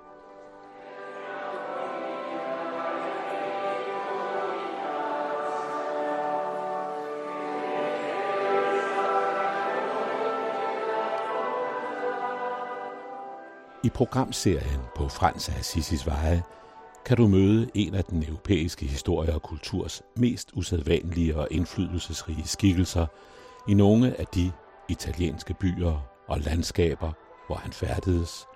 Men du møder ham også i billedkunsten, i litteraturen og legenderne, og som hans skikkelse aktuelt bliver oplevet fra forskellige positioner i dag.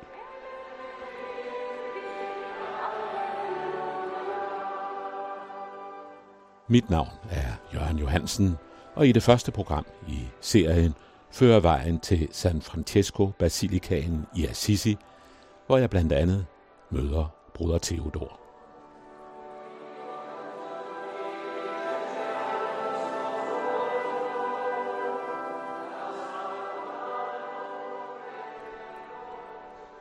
I Assisi, på pladsen foran San Francesco Basilikaens øverste kirkerum, lå i hele 2016 og en del af 2017 en 7 meter lang båd. Den blå maling var delvis skallet af, og på dækket lå et hvidt redningsbælte og en redningsvest, som de alarmerende signaler om det farefulde ved sejladsen over Middelhavet ombord på så lille en båd. La Barca eller Speranza stod der øverst på den træplanche, hvor historien om båden blev fortalt. I marts 2014 sejlede den ud fra den tunesiske kyst og ankom til øen Lampedusa med ni mennesker ombord. Et af de mindre kapitler i den overvældende fortælling om denne verdens mere end 60 millioner flygtninge var blevet skrevet. Og nu var båden placeret foran Frans af Assisis kirke og førte på sin egen udtryksfulde måde historien om Il Poverello, eller Guds lille spillemand, fra 1200-tallet ind i nutiden. Når den besøgende i basilikaen trådte ud af San Francesco-kompleksets øverste kirke, var båden med den afskallede blå maling det første, han eller hun så. Efter Giotto di Bondones 28 fantastiske frisker, der illustrerer legenden eller legenderne om den hellige Frans og hans liv inde i kirken, lå flygtningenes båd lige uden for kirkedøren, bogstaveligt talt placeret som det 29. billede. På den mest slående måde blev middelalderhelgenen stillet ansigt til ansigt med en af nutidens største politiske og moralske udfordringer.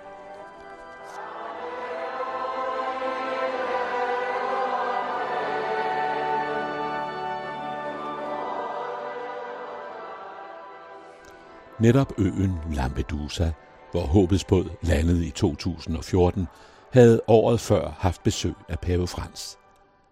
Da den nyvalgte pave skulle udpege målet for sin første officielle rejse, besluttede han at tage til øen, hvis navn havde fået en særlig symbolsk klang i forbindelse med de farefulde sejladser over Middelhavet og strømmen af flygtninge og migranter til Europa. Senere er besøget på Lampedusa blandt andet blevet fuldt op med et besøg på Lesbos, hvorfra pave Frans gentog sin appel om barmhjertighed og hjælp til verdens flygtninge. Både personer, institutioner og lande, der lukker døren for de folk, der søger tryghed, må bede om tilgivelse hos Gud, lød en af hans erklæringer. Med sin solidaritetserklæring til de mange mennesker på flugt fra krig, sult og nød, har den 266. 20. pave på den mest direkte måde givet betydning til valget af navnet Francesco eller Frans, som han har taget som den første pave nogensinde. At den nye pave valgte netop navnet Frans, vagte ikke mindst opmærksomhed og glæde i Assisi, og den danske franciskanermungbruder Theodor har fortalt, hvordan valget af navnet blev modtaget i San Francisco-klostret.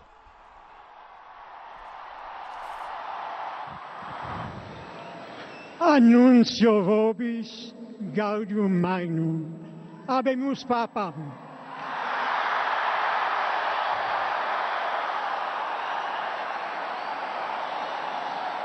Eminentissimum ac reverendissimum Dominum, Dominum Georgium Marium, Sancte Romane Ecclesiae Cardinalem Bergoglio. Sibi nomen imposuit Franciscum. Øh, jeg husker, da paven blev valgt, øh, der stod vi øh, alle sammen, vi har to fjernsynsstuer. En kæmpe fjernsyn, med, hvor der kun vises sport, og den mindre fjernsyn til film og alt muligt andet. Og der stod vi så og, og ventede på, at ham kardinalen, der skulle proklamere hans navn, hvad det var for navn, den nye pave har vægt sig. Og så blev det så Francesco. Og det blev helt stille. Francesco? Hvilken Francesco? Vi har flere Francesco. Men det kan ikke være Francesco Assisi. Men på den anden side så må det være, fordi der står ikke noget med Francesco den første eller Francesco den anden. Bare Francesco. Og så vi var lidt spændt, hvad der ville ske, når han nu kom ud på balkongen. Og det, det må jeg sige, der blev jeg lidt skuffet. Øh, fordi for det første, han kom ud, han havde ikke den der røde, guldbroderede stoler på, som de ellers har, som er så tung, som man næsten går foroverbøjet. Øh, han havde ikke et kæmpe guldkors hængende med et, et metalkors, som ligner et, du kan købe i souvenirbutikken. Øh, og så siger han, kunne hjælpe mig god aften. Altså, det kan man altså ikke som en bave. Undskyld. Man siger det ikke god aften. Og så gjorde han noget, og det vendte selvfølgelig det hele om.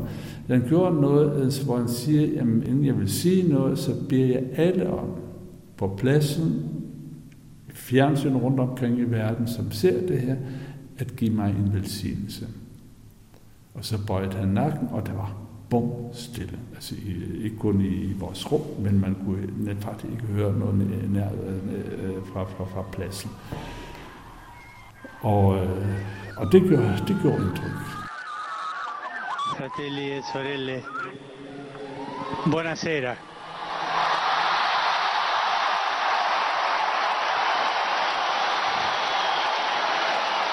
Voi sapete che il dovere del conclave era di dare un vescovo a Roma. Sembra che i miei fratelli cardinali sono andati a prenderlo quasi alla fine del mondo, ma siamo qui.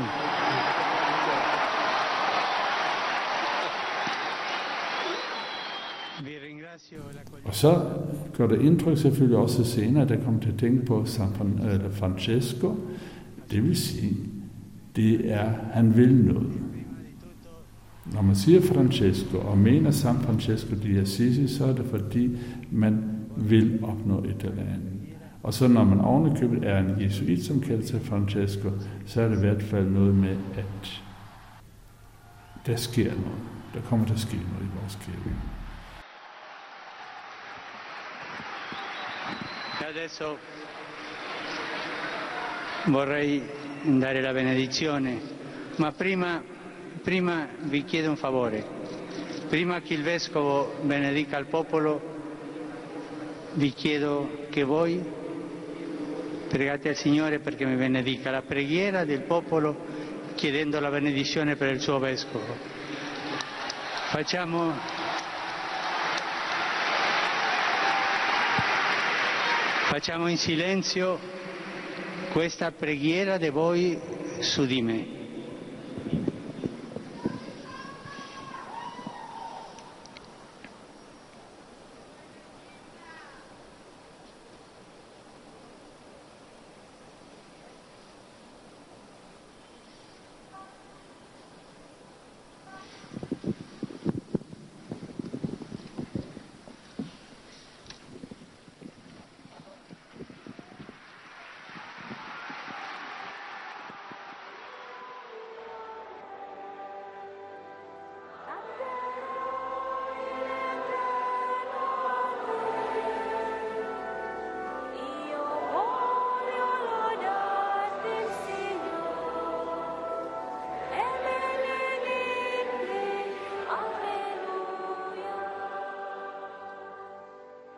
Båden fra Lampedusa, anbragt på pladsen foran Frans af Assisis kirke, er en vigtig meddelelse og bidrager til at understrege, at middelalderhelgenen er en meget aktuel skikkelse. Ikke alene har en af verdens mest indflydelsesrige mænd, overhovedet for mere end en milliard katolikker verden over, taget hans navn for at gøre sin indflydelse gældende i hans ånd. Men flygtningenes skrøbelige båd ligger også, og måske som det allervigtigste, i forlængelse af maleren Giottos billedstærke levnedsskildring som et billede på alle de moralske, eksistentielle og samfundsmæssige spørgsmål og udfordringer i en nutid, hvor provokationen og inspirationen fra manden fra Umbrien under alle omstændigheder kan være igangsættende og vigtig. I en postfaktuel tidsalder, hvor sandheden ikke længere er en fast størrelse og noget, man kan regne med, bliver eftersøgningerne efter de værdimæssige orienteringspunkter uden tvivl intensiveret og ekstraordinært vigtige. Og skikkelsen, Frans af Assisi, er gjort af lige præcis det stof, som kan tiltrække mennesker fra rigtig mange og fra meget forskellige positioner i det holdningsmæssige landskab. Som skytshelgen for miljøet og repræsentant for verdens flygtninge med Pave Frans som talerør, adresserer klædehandlerens søn fra Assisi tidens uden tvivl mest brændende spørgsmål og største udfordringer. Som fredstifter, antimaterialist, socialarbejder, modbillede til magten og kritiker af eliten, som eneboer og folketaler, som tvivler og troende, inspirerer den mest populære af alle middelalderens helgener meget forskellige segmenter i en nutidig verden og rammer meget forskellige sider af det moderne menneske. Det hele var samlet i billedet af den 7 meter lange, blåmalede båd på pladsen uden for den øverste San Francesco kirke i Assisi. Af håbets båd samtidig lå som en slags logo for den rejsende Frans, er nærliggende nok. Fra byen på Monte Subasio drog handelsmanden, ridderen, den fortabte søn, prædikanten, missionæren og ordensstifteren Frans ud i verden. På stier og landeveje vandrede og red han rundt i de mellem italienske landskaber. Flere gange tog han til Rom som pilgrim og ordensstifter. Markedet i nabobyen Foligno besøgte han regelmæssigt. Som kriger og fange kom han til Perugia. Som ridder drog han til Spoleto, og som korsfarer sejlede han ud fra havnebyen Ancona. På øen Isola Maggiore i Trasimeno-søen levede han i ensom bøn i 42 dage.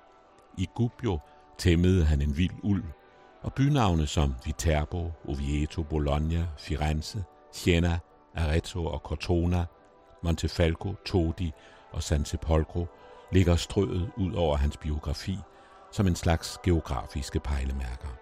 Rieti-dalen med Greccio og Fonte Colombo gennemvandrede han flere gange, og bjerget Laverna, hvor han modtog Jesu sårmærker, var måske det vigtigste af samtlige rejsemål i hans liv. Allerede mens han levede, sluttede tusinder sig til de såkaldte frati minori eller mindre brødre. Og efter hans død i 1226 og hurtige helgenkåring, voksede antallet af franciskanere eller gråbrødre ud over hele Europa, og med de to tiggermunkeordner, franciskanerne og dominikanerne, med deres fattigdomsidealer, blæste reformvindene for alvor ind over det kristne Europa.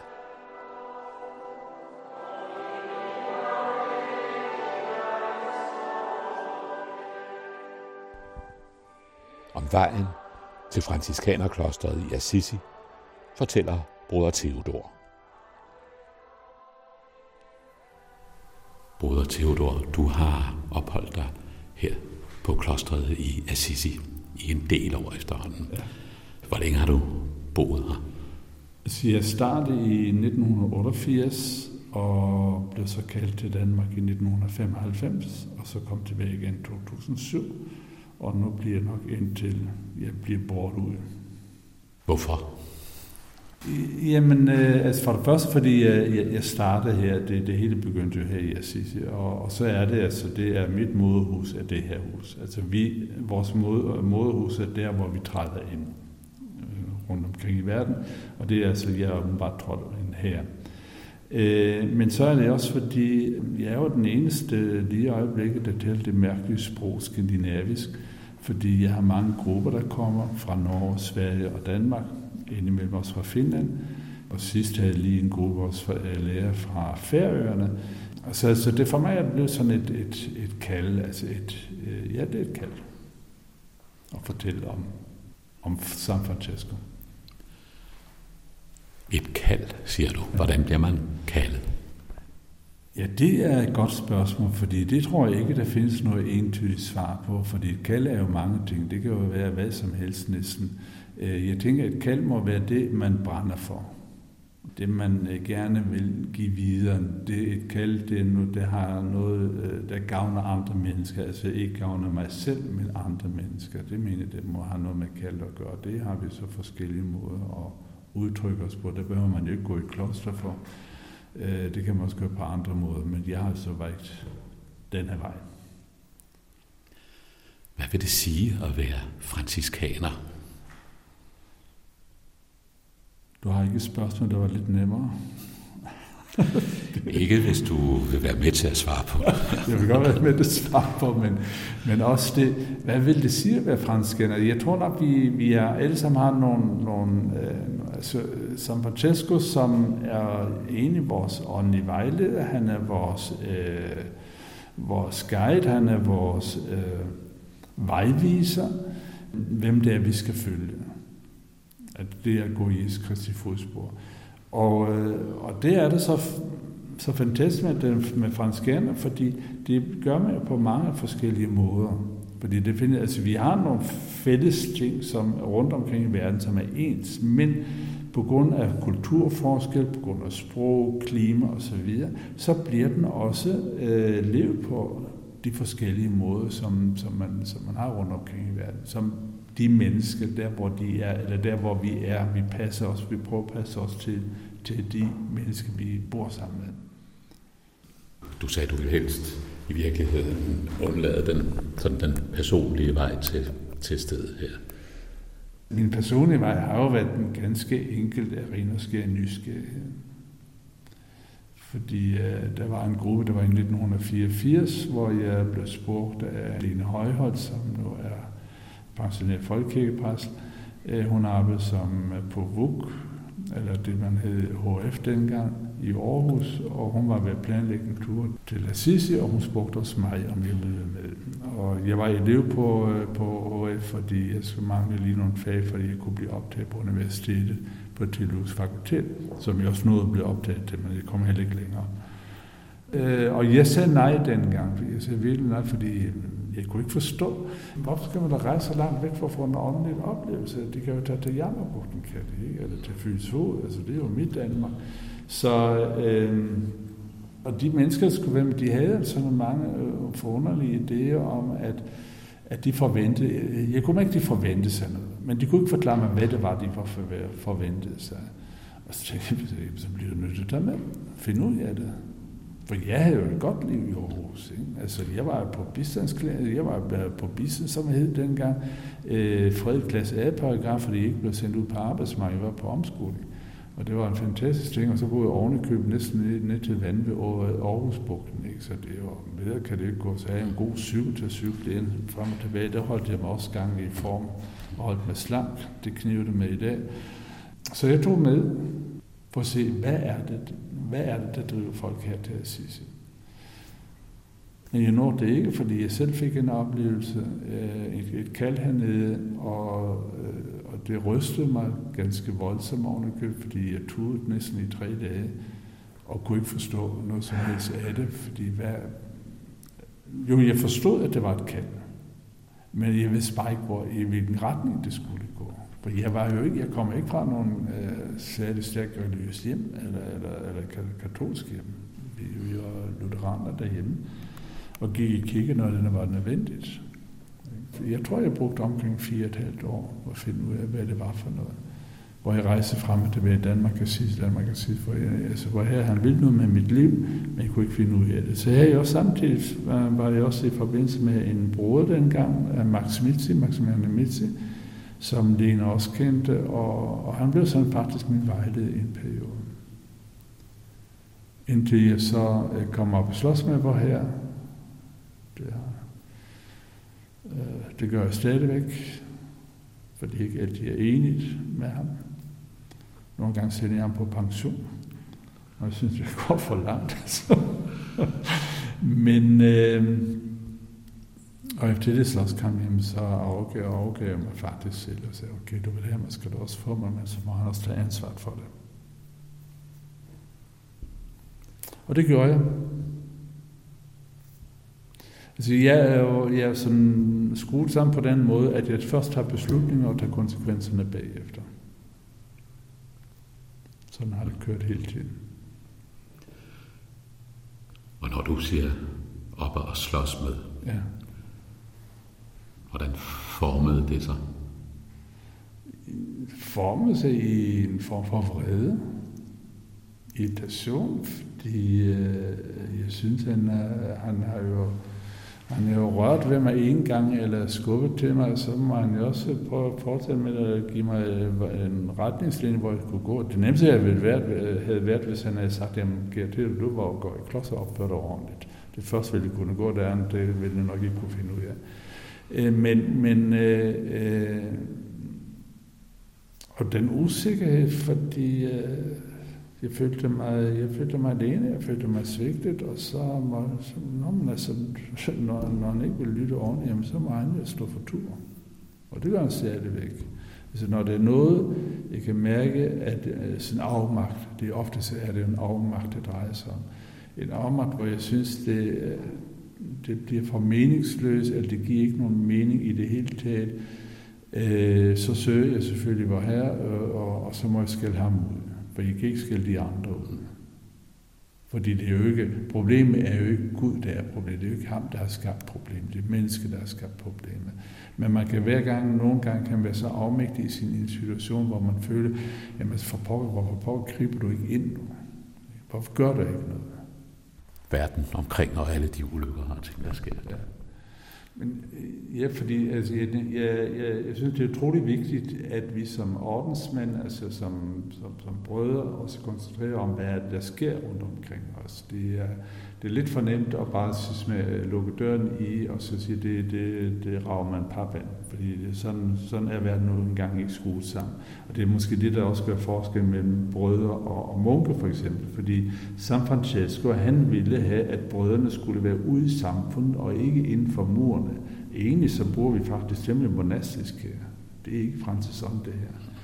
Men altså, det er så en, en anden historie. Men, men munke var jo med, øh, de, jeg tænker også, de beskæftiger sig utrolig meget med, hvad der sker rundt omkring i verden, men de er mere bundet i deres øh, mere strenge liturgiske bønsliv, end hvad vi er. Fordi vi bevæger os ud i samfundet. Her gør vi det ikke, fordi her kommer folk til os, og det skal man altid lige have i baghovedet. Ikke? At det er dem, der kommer til os. Men normalt er det sådan, at brødrene, de, vi er ude, vi er opsøgende, og så bliver man konfronteret. Ikke? Altså jeg selv har fået lov til at opholde mig et, et års tid i Centralamerika, hvor jeg specielt var fire måneder slumkvarteret i Tegucigalpa, fordi vi havde et hus lige midt i, i El elrådenskaben. Og det var, det var noget af et chok at få, men øh, jeg tror, det var vigtigt, at jeg fik den oplevelse med,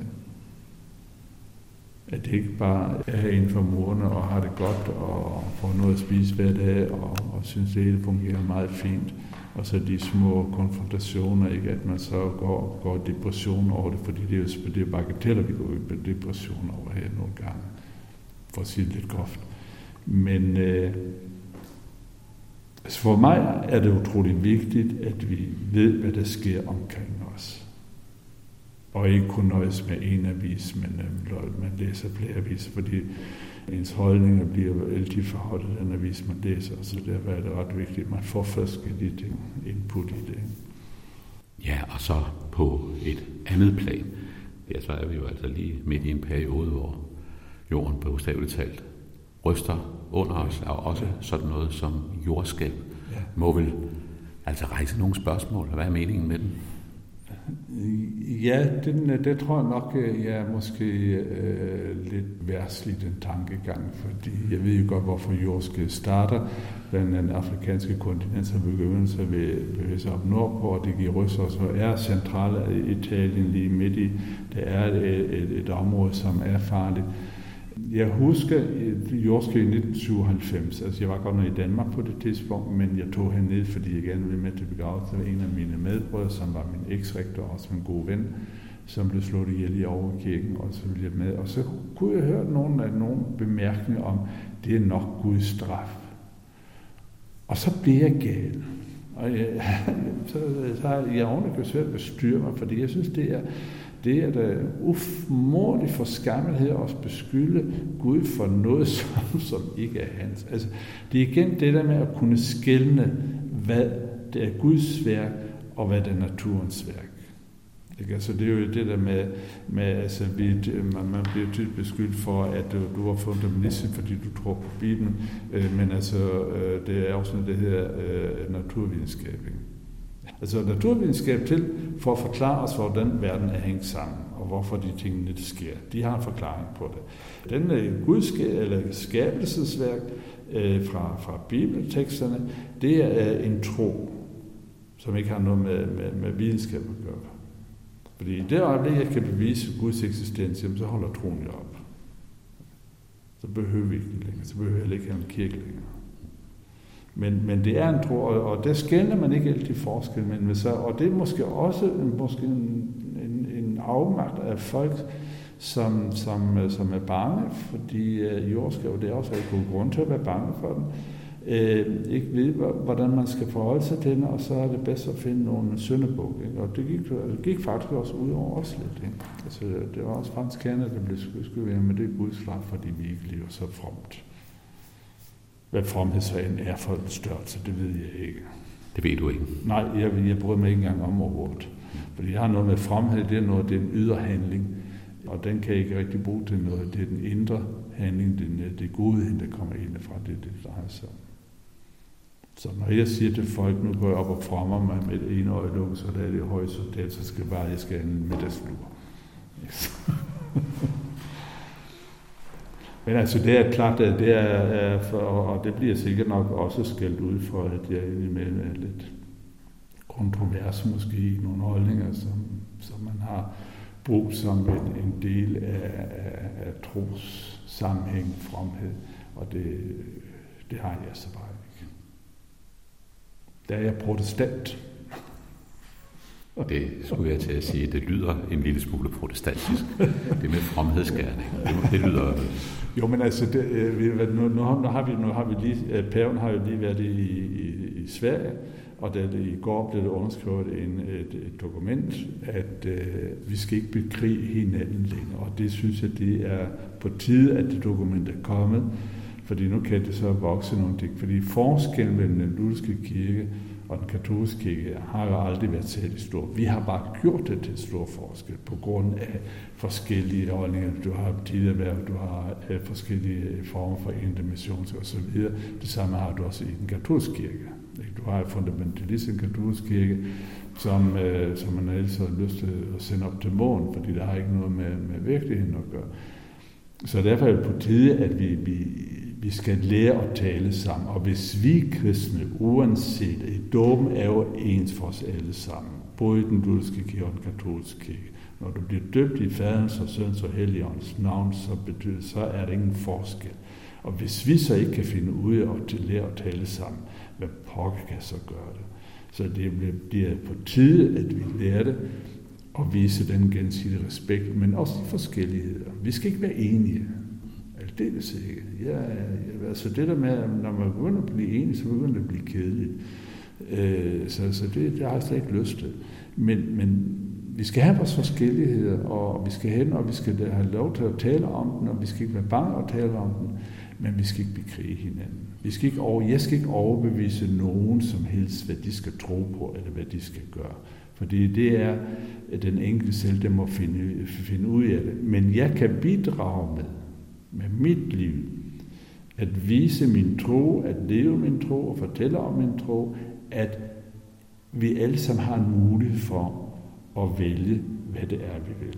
Og det valg, det enkelte menneske der, det skal jeg vise respekt overfor.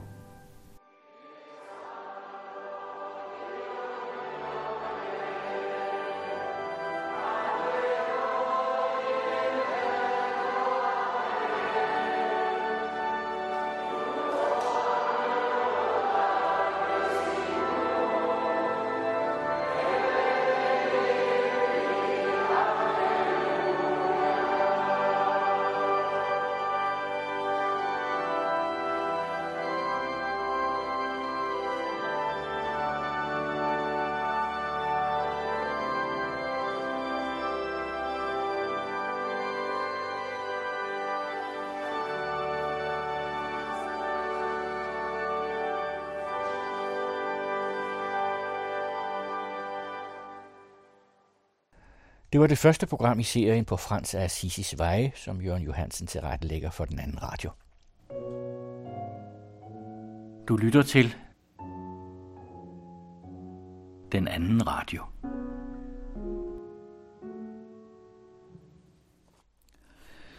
Serien Det finske dirigentmirakel fortæller i denne uge om Susanna Melki og Hannu Lintu. I et indslag imellem dem fortæller Merete Hoffmann, der er tidligere solooboist i Aarhus Symfoniorkester om Jorma Panula. Hun blev ansat dengang han var chefdirigent der.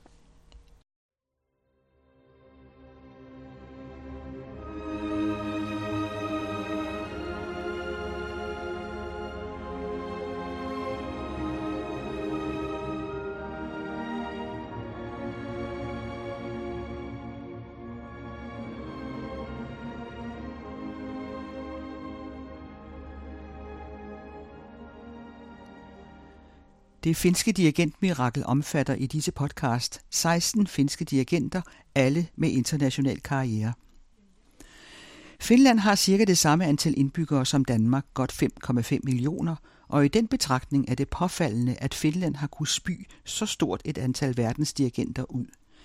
9 ud af de 16 dirigenter er født mellem 1953 og 69, Og lige i årene 1973-94, hvor den gruppe var ved at blive voksen, var Jorma Panula professor i direktion på Sibelius Akademiet. De ni har alle studeret hos Jorma Panula på akademiet, og tre af de yngre har været privatelever hos ham, efter han var gået af. Af de sidste fire er Leif Sikkerstam og Okukamo uddannet før Panula blev ansat, og Pavo Berglund er den ældste, født i 1929 og død i 2012. Den sidste er Jorma Panula selv. Finske dirigenter med international karriere, 12 uddannet af Jorma Panula, han er i dag 90 år. De har alle et instrument ved siden af, og nogen er også komponister. Vi skal høre om dem alle 16 i 8 podcast, to og to med den musik, de elsker og det, de står for.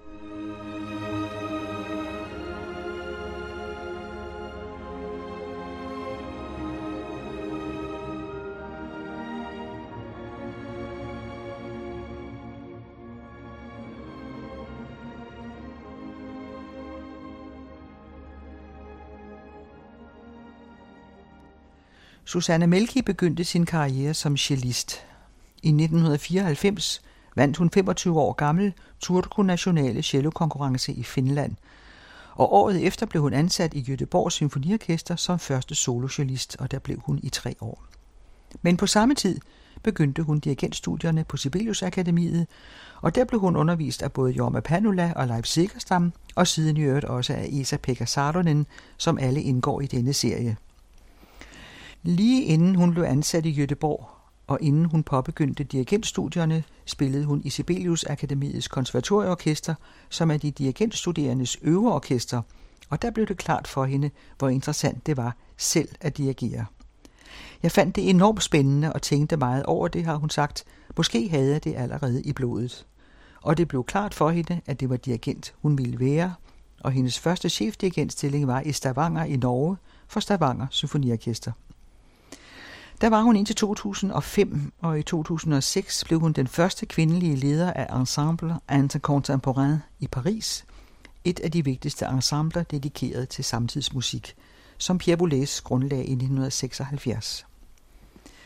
Der blev hun i syv år indtil 2013. Hun er nu chefdirigent for Helsinki Philharmoniske Orkester, det har hun været siden 2016, og imellem Paris og Helsinki har hun slået sine folder i Lissabon for fra 13 til 16 var hun første gæstedirigent for Gulbenkian orkestret der.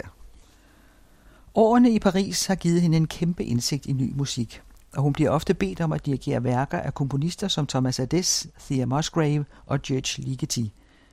Også hendes landsmand Kaja Sarajahus værker dirigerer hun som for eksempel Sarajahus opera Innocence, Uskyld, i Aix-en-Provence for et par år siden. Det var med London Symfoniorkester – og for nylig dirigerede hun Kaja Saria hos orkesterværk Vista i Helsinki med Helsinki Filharmonikerne, et værk på 25 minutter fra 2019.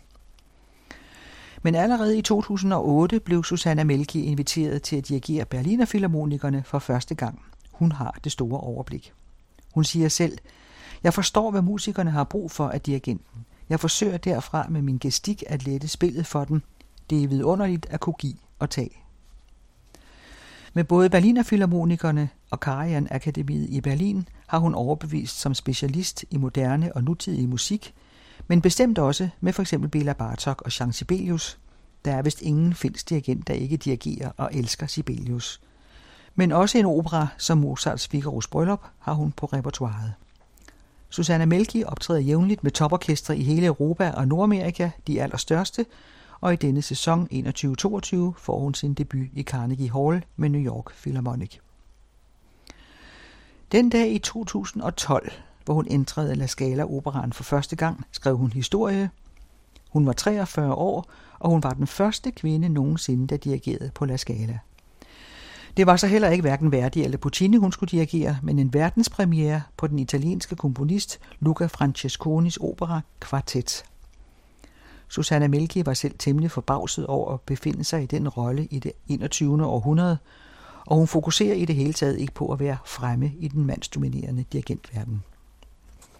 Man taber næsten pusten med alle Susanne Melkis engagementer, men også priser får hun en masse. Pro Finlandia-medaljen er løveorden af Finland, en af Finlands højeste udmærkelser i 11. Hun blev udnævnt til officier de l'ordre des arts et des lettres i Frankrig i 14, og i 16 endnu en fransk orden, Chevalier af Légion d'honneur. Hun er fellow ved Royal Academy of Music i London og medlem af det kongelige musikakademi i Stockholm. Og i 2016 blev hun kåret som årets dirigent i Musical America, og i 17 fik hun tildelt Nordisk Råds musikpris. Måske går de og overvejer hende i den danske Sonningpriskomité. Susanne Melki har selvfølgelig mange CD-indspilninger, mange med helt ny musik, men her skal vi høre hende foran hendes orkester, Helsinki Philharmonikerne, i intermezzoet for Bartoks koncert for orkester.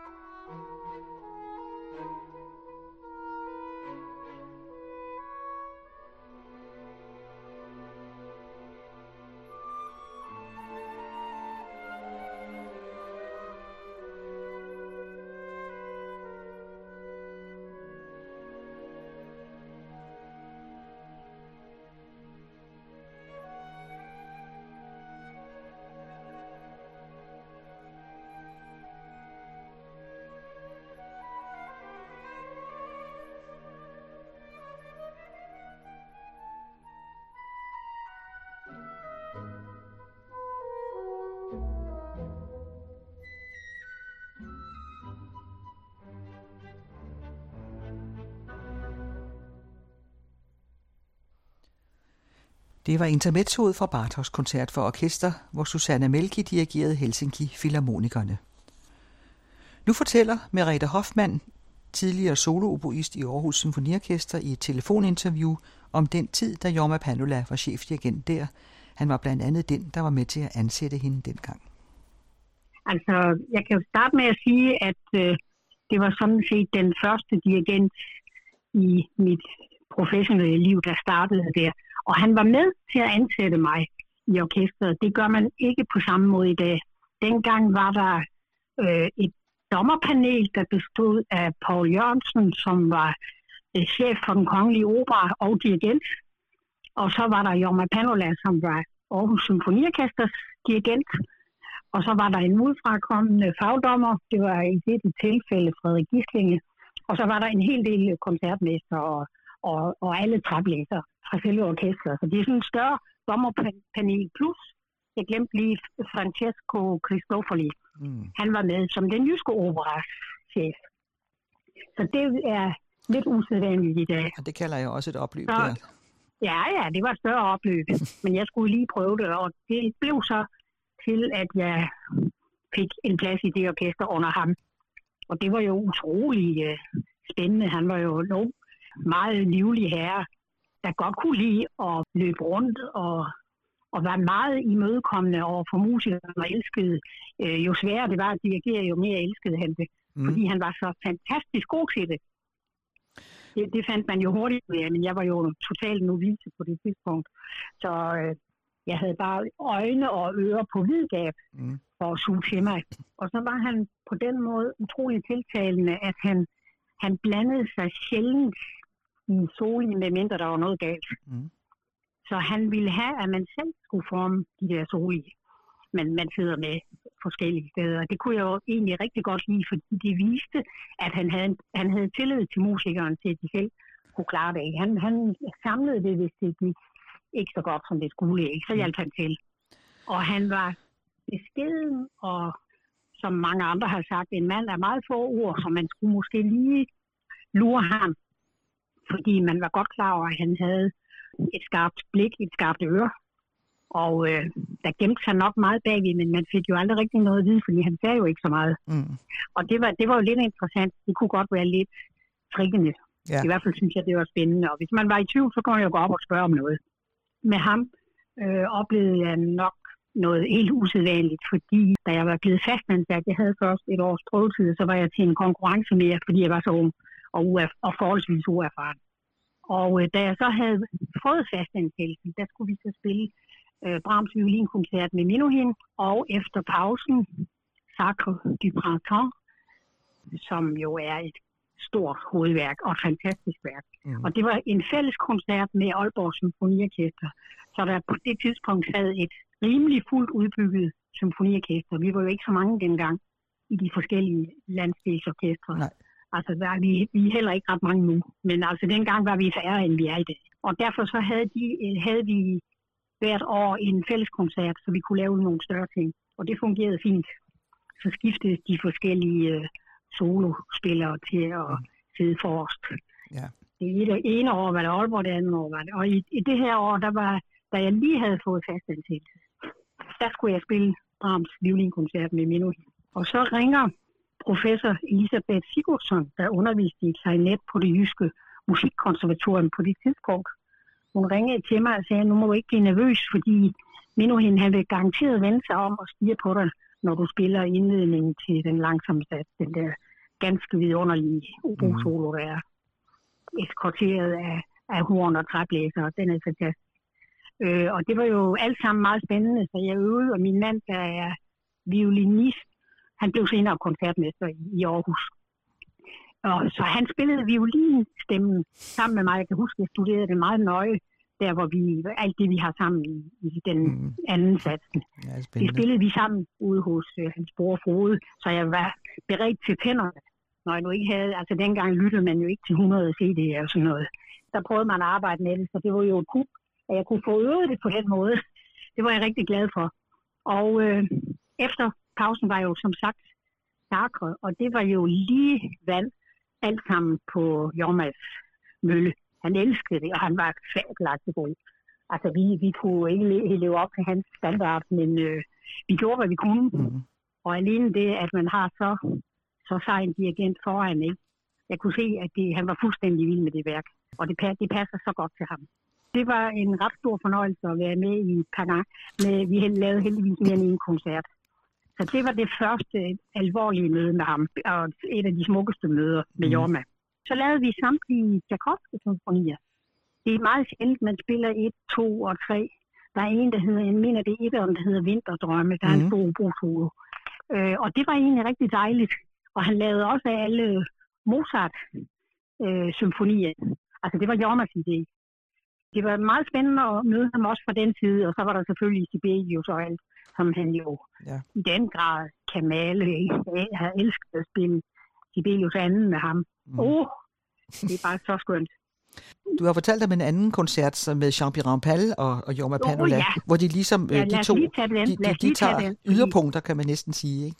Ja, jeg tror i 74, der, ville, der kom Rampal og skulle spille Mozart G-dur i første halvleg af koncerten, hvis vi kan kalde det halvleg, i første del af koncerten, og i anden del skulle han lave Jolivet, og så var der, jeg kan ikke huske, hvad det tredje værk var, det var for orkester. Og de to herrer var jo højt estimeret og fantastiske musikere, begge to. Og de mente ikke, da vi havde den prøve på Mozart, så spillede han ikke kadencen, så den hørte vi ikke før til koncerten.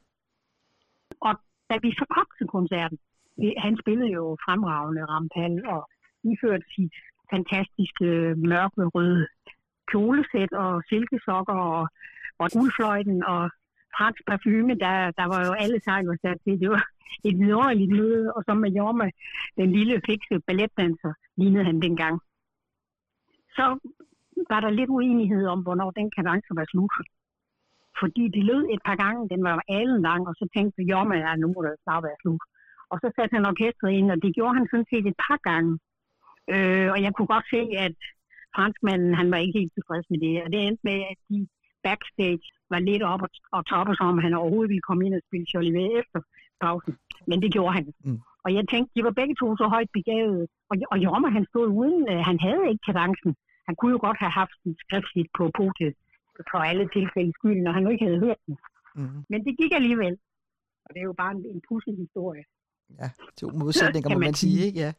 Jo, men, jo. men så begyndte du før at snakke om, om ny musik, som jo også er et af Jorma Padulas kendemærker. Han elsker ja. at, at gå ned i de, af den sværeste musik. Altså man kan sige, at måske var det samtidig for let for ham og lidt for svært for orkestret, hvis du forstår, hvad jeg mener. Mhm. Dengang var de ikke på det niveau, som alle orkestre er nu. Der var sådan lidt mere modstand mod musik i al almindelighed. Jeg kan huske, de, de kolleger, der var ældre end mig, de var sådan lidt mere, øh, nå, skal vi nu spille? Altså noget, der var sådan temmelig uoverskueligt, ikke? Og man må jo lige give det en chance, det er fuldstændig anderledes i dag. Mm. Og der, der kunne Jorma måske have en lidt kortere lunde, det kan jeg godt forstå. Og så kunne han gå meget hurtigt igennem, hvis han kunne mærke, at der var modstand. Det, det kunne han ikke lide. Så blev der mindre prøve på det, og det blev det jo ikke bedre af. Nej. Men altså, hans overblik var jo fænomenalt, ikke? Han kunne sådan se det gyldne snit i Per Nørgaards værker, det kunne han jo nærmest se med det samme, ikke? Hvor, hvor vi andre nok skal have en loop for at, at følge med i. og det, det var ret svært, både at dirigere og at spille, ikke? Altså, han kunne slå 23 mod 4 med den ene hånd og 24 med den anden, ikke? Så, så let var det for ham med det der. Og det kan godt være svært, hvis man er så overbegavet, og vi andre er normale. Så er det jo ikke helt let. Ja, Så kunne prøverne blive lidt kortere, ja. hvis han var utilfreds. Men så samtidig så tog han også lidt del i, hvad der skete i Lille Aarhus dengang. Ikke? Der var en opførelse, eller flere opførelser på en Steinerskole af tryllefløjten. Og tænk, den møder han op med stor sort hat, og så sidder han pludselig blandt publikum der. Det siger lidt om ham. Mm. At han, er, han er ikke, du ved, sådan en, der kun færdes i de højere lag, fordi han er så overbegavet. Slet ikke. Men der var også en, øh, en, en koncert for obo og harmoniorkester, har du fortalt, som han Ja, dirigerede. men det, det var egentlig mit allerførste møde, for der var jeg ikke, det var 14 dage før jeg blev ansat. Jeg skulle lave med Tonika, et harmoniorkester, der har levet, eksisteret i mange år i Aarhus, som jeg fik forbud egentlig mod at spille i af min lærer, professor Ole Henrik Dahl, hvis stillingen jeg faktisk fik der.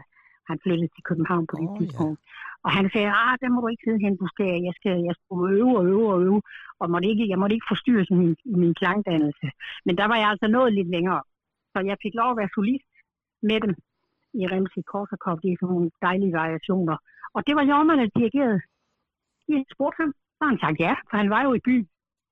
Og det, det, var, og det ville han jo ikke have noget for, eller noget som helst. Du ved. Det var sådan con amore. Alle de kunne lide ham. Ja. De gamle skulle lige vente sig til, at når han kom ind på scenen, så slog han ned med det samme. Der var ikke det der med at, at vente på, at folk nu havde sat sig til rette, og, og man skulle samle sin sjæl og sådan noget, eller dirigenten skulle stå længe. Det, det, det var ikke hans stil. Nej. Og når, når vi så var på turné, det var vi også i Finland, kan jeg huske. En fantastisk turné. Han har jo været chef der i, i flere orkester. Vi var også i Helsingfors. Når der så var alle de der pauser, du ved, når man kører med en bus fra mm. det ene til det andet sted, så løb han lige en tur. Og han gjorde noget andet, som på det tidspunkt ikke var så almindeligt. Han mediterede. Husk lige, vi er tilbage i et sted mellem 73 og 76. Mm. Og han er i 40'erne. I dag der er det meget mere almindeligt. Ikke? Mm. Altså, vi er nok dobbelt så stressede i dag. Men jeg synes, han var forud for sin tid. Mm. På det punkt også. Han ville have sin hjerne helt frisk, tror jeg. Også med det der løberi, som øh, var, var typisk for ham. Han Ja. lignede en balletdanser på det tidspunkt. En lille, lille væverfyr. Det var Merete Hoffmann, der fortalte om sine tidlige år som solooboist i Aarhus Symfoniorkester, mens Jorma Panula var chefdirigent der.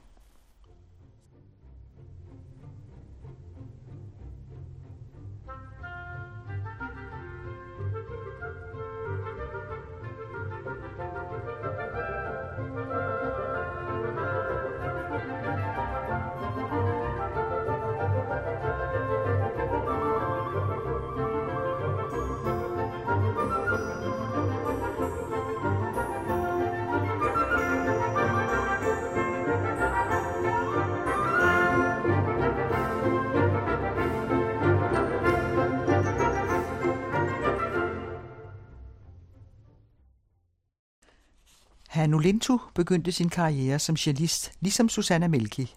Ikke bare cello, men også klaver studerede han på Sibelius Akademiet. Men så kom direktion og Jorma Panula ind i billedet, og nu er han selv professor i direktion på Sibelius Akademiet. Han vandt den nordiske dirigentkonkurrence i Bergen i 1994, to år før han afsluttede dirigentstudierne i Helsinki. Så fulgte en chefdirigentpost ved Tampere Philharmoniske Orkester, og som første gæstedirigent ved Dublins Nationale Symfoniorkester i Irland, og dertil Avanti Ensemblet, det finske ensemble for ny musik. I sidste sæson havde han sin debut på Paris Operaen med Wagners Den flyvende hollænder, en meget stor succes, og ellers slår han sine folder med London Philharmonikerne, det østrigske tronkønslerorkester og Gulbenkian Orkestret i Lissabon, og Radiosymfoniorkestre i Paris og Berlin, samt amerikanske orkestre som Houston, Baltimore, Cincinnati, Pittsburgh, St. Louis, Chicago og Los Angeles. Hannu Lintu dirigerer også jævnligt på Savonlinna Festivalen i Finland. Der opførte han i 2017 den finske komponist Aulis Salinens opera Kullervo, bygget over det finske nationalepos, som en del af fejringen af Finlands 100-års jubilæum som selvstændigt land. I sommeren 2021 afsluttede han i en alder af 54 otte år som chefdirigent for Finlands Radiosymfoniorkester, inden han overtog kapelmesterposten for Finlands Nationale Opera i Helsinki. Blandt de mange værker, han opførte i de otte år, var uopførelsen af et kæmpe symfonisk værk af den finske Magnus Lindberg, Tempus Fugit, Tiden flygter eller Tiden løber. Med uopførelsen fulgte en anmeldelse som denne. Under Hannu Lintu spiller det finske radiosymfoniorkester med en sådan klarhed og indsigt, at det føles som et smukt afbalanceret urværk, dog et overstrømmende, sprudlende et.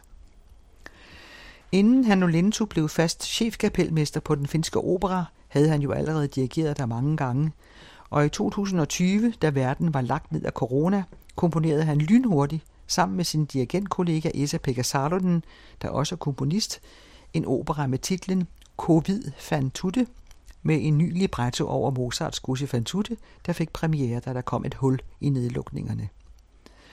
Den finske Nationaloperas orkester er det største orkester i Finland. Det blev grundlagt i 1963, og med flytningen til det nye operahus i 93 steg orkestrets størrelse markant til nu 111 musikere. Hanno Lintu har fået mange priser for sine indspilninger, der inkluderer to ICMA Awards for Bartoks violinkoncert med Christian Tetzlaff i 2019 og symfoniske digte samt sange af Sibelius med Anne-Sophie von Otter. ICMA står for International Classical Music Award, og hvor en Grammy er en række amerikanske musikpriser uddelt af Recording Academy for årets bedste præstationer inden for musikbranchen, så er ICMA udelukkende for klassisk musik. Netop en Grammy fik han Lintu også med det finske radiosymfoniorkester i kategorien for bedste orkesteropførelse for indspilningen af Lutoslavskis symfoni nummer 2 og 3. Det var i 2021. 10 år tidligere fik han en Grammy-nominering i operakategorien for den bedste opera. Det var Aino Juhani Rautavaras Kaivos, denne gang med Tampere Filharmonikerne. Og dertil Grammy'er for indspilningen af Georges Enescus anden symfoni med Tampere Filharmonikerne og violinkoncerter af Sibelius og Thomas Ades med den tysk-italienske violinist Augustin Hardelich og Royal Liverpool Philharmoniske Orkester. Et af de mange orkestre, som Hannu Lintu har dirigeret, er Royal Scottish National Orchestra i Glasgow, og med dem har han indspillet tre værker af Aino Juhani Rautavaara, klaverkoncert nummer 1, symfoni nummer 3 og Cantus Arcticus, som er et meget spændende værk, hvor Rautavaara en sommer omkring 1970 gik i det nordligste Finland med en båndoptager og optog de vilde fugles lyde, og dernæst flettede dem sammen med orkestermusikerne. Derfra skal vi høre den første sats, der hedder Mosen.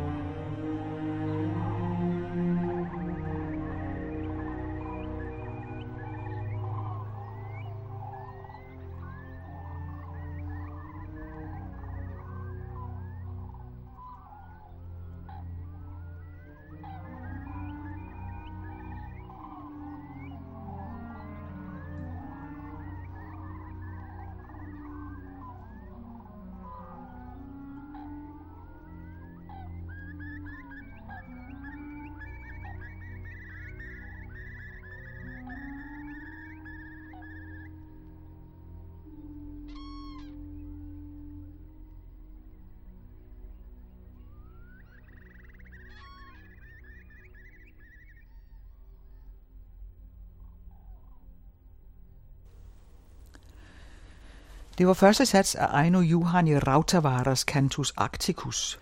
Han Lulinto dirigerede Royal Scottish National Orchestra. Susanna Melki dirigerede Helsinki Philharmonikerne i intermezzoet fra Bartoks koncert for orkester, og Jorma Panula dirigerede Turku Philharmoniske Orkester i Armas Hjernefælds Prelude for orkester. Det er Kirsten Røn, der står for serien, og de to næste finske dirigenter er John Storgårds og Okukamu. Journalistik på den klassiske måde. Den anden radio.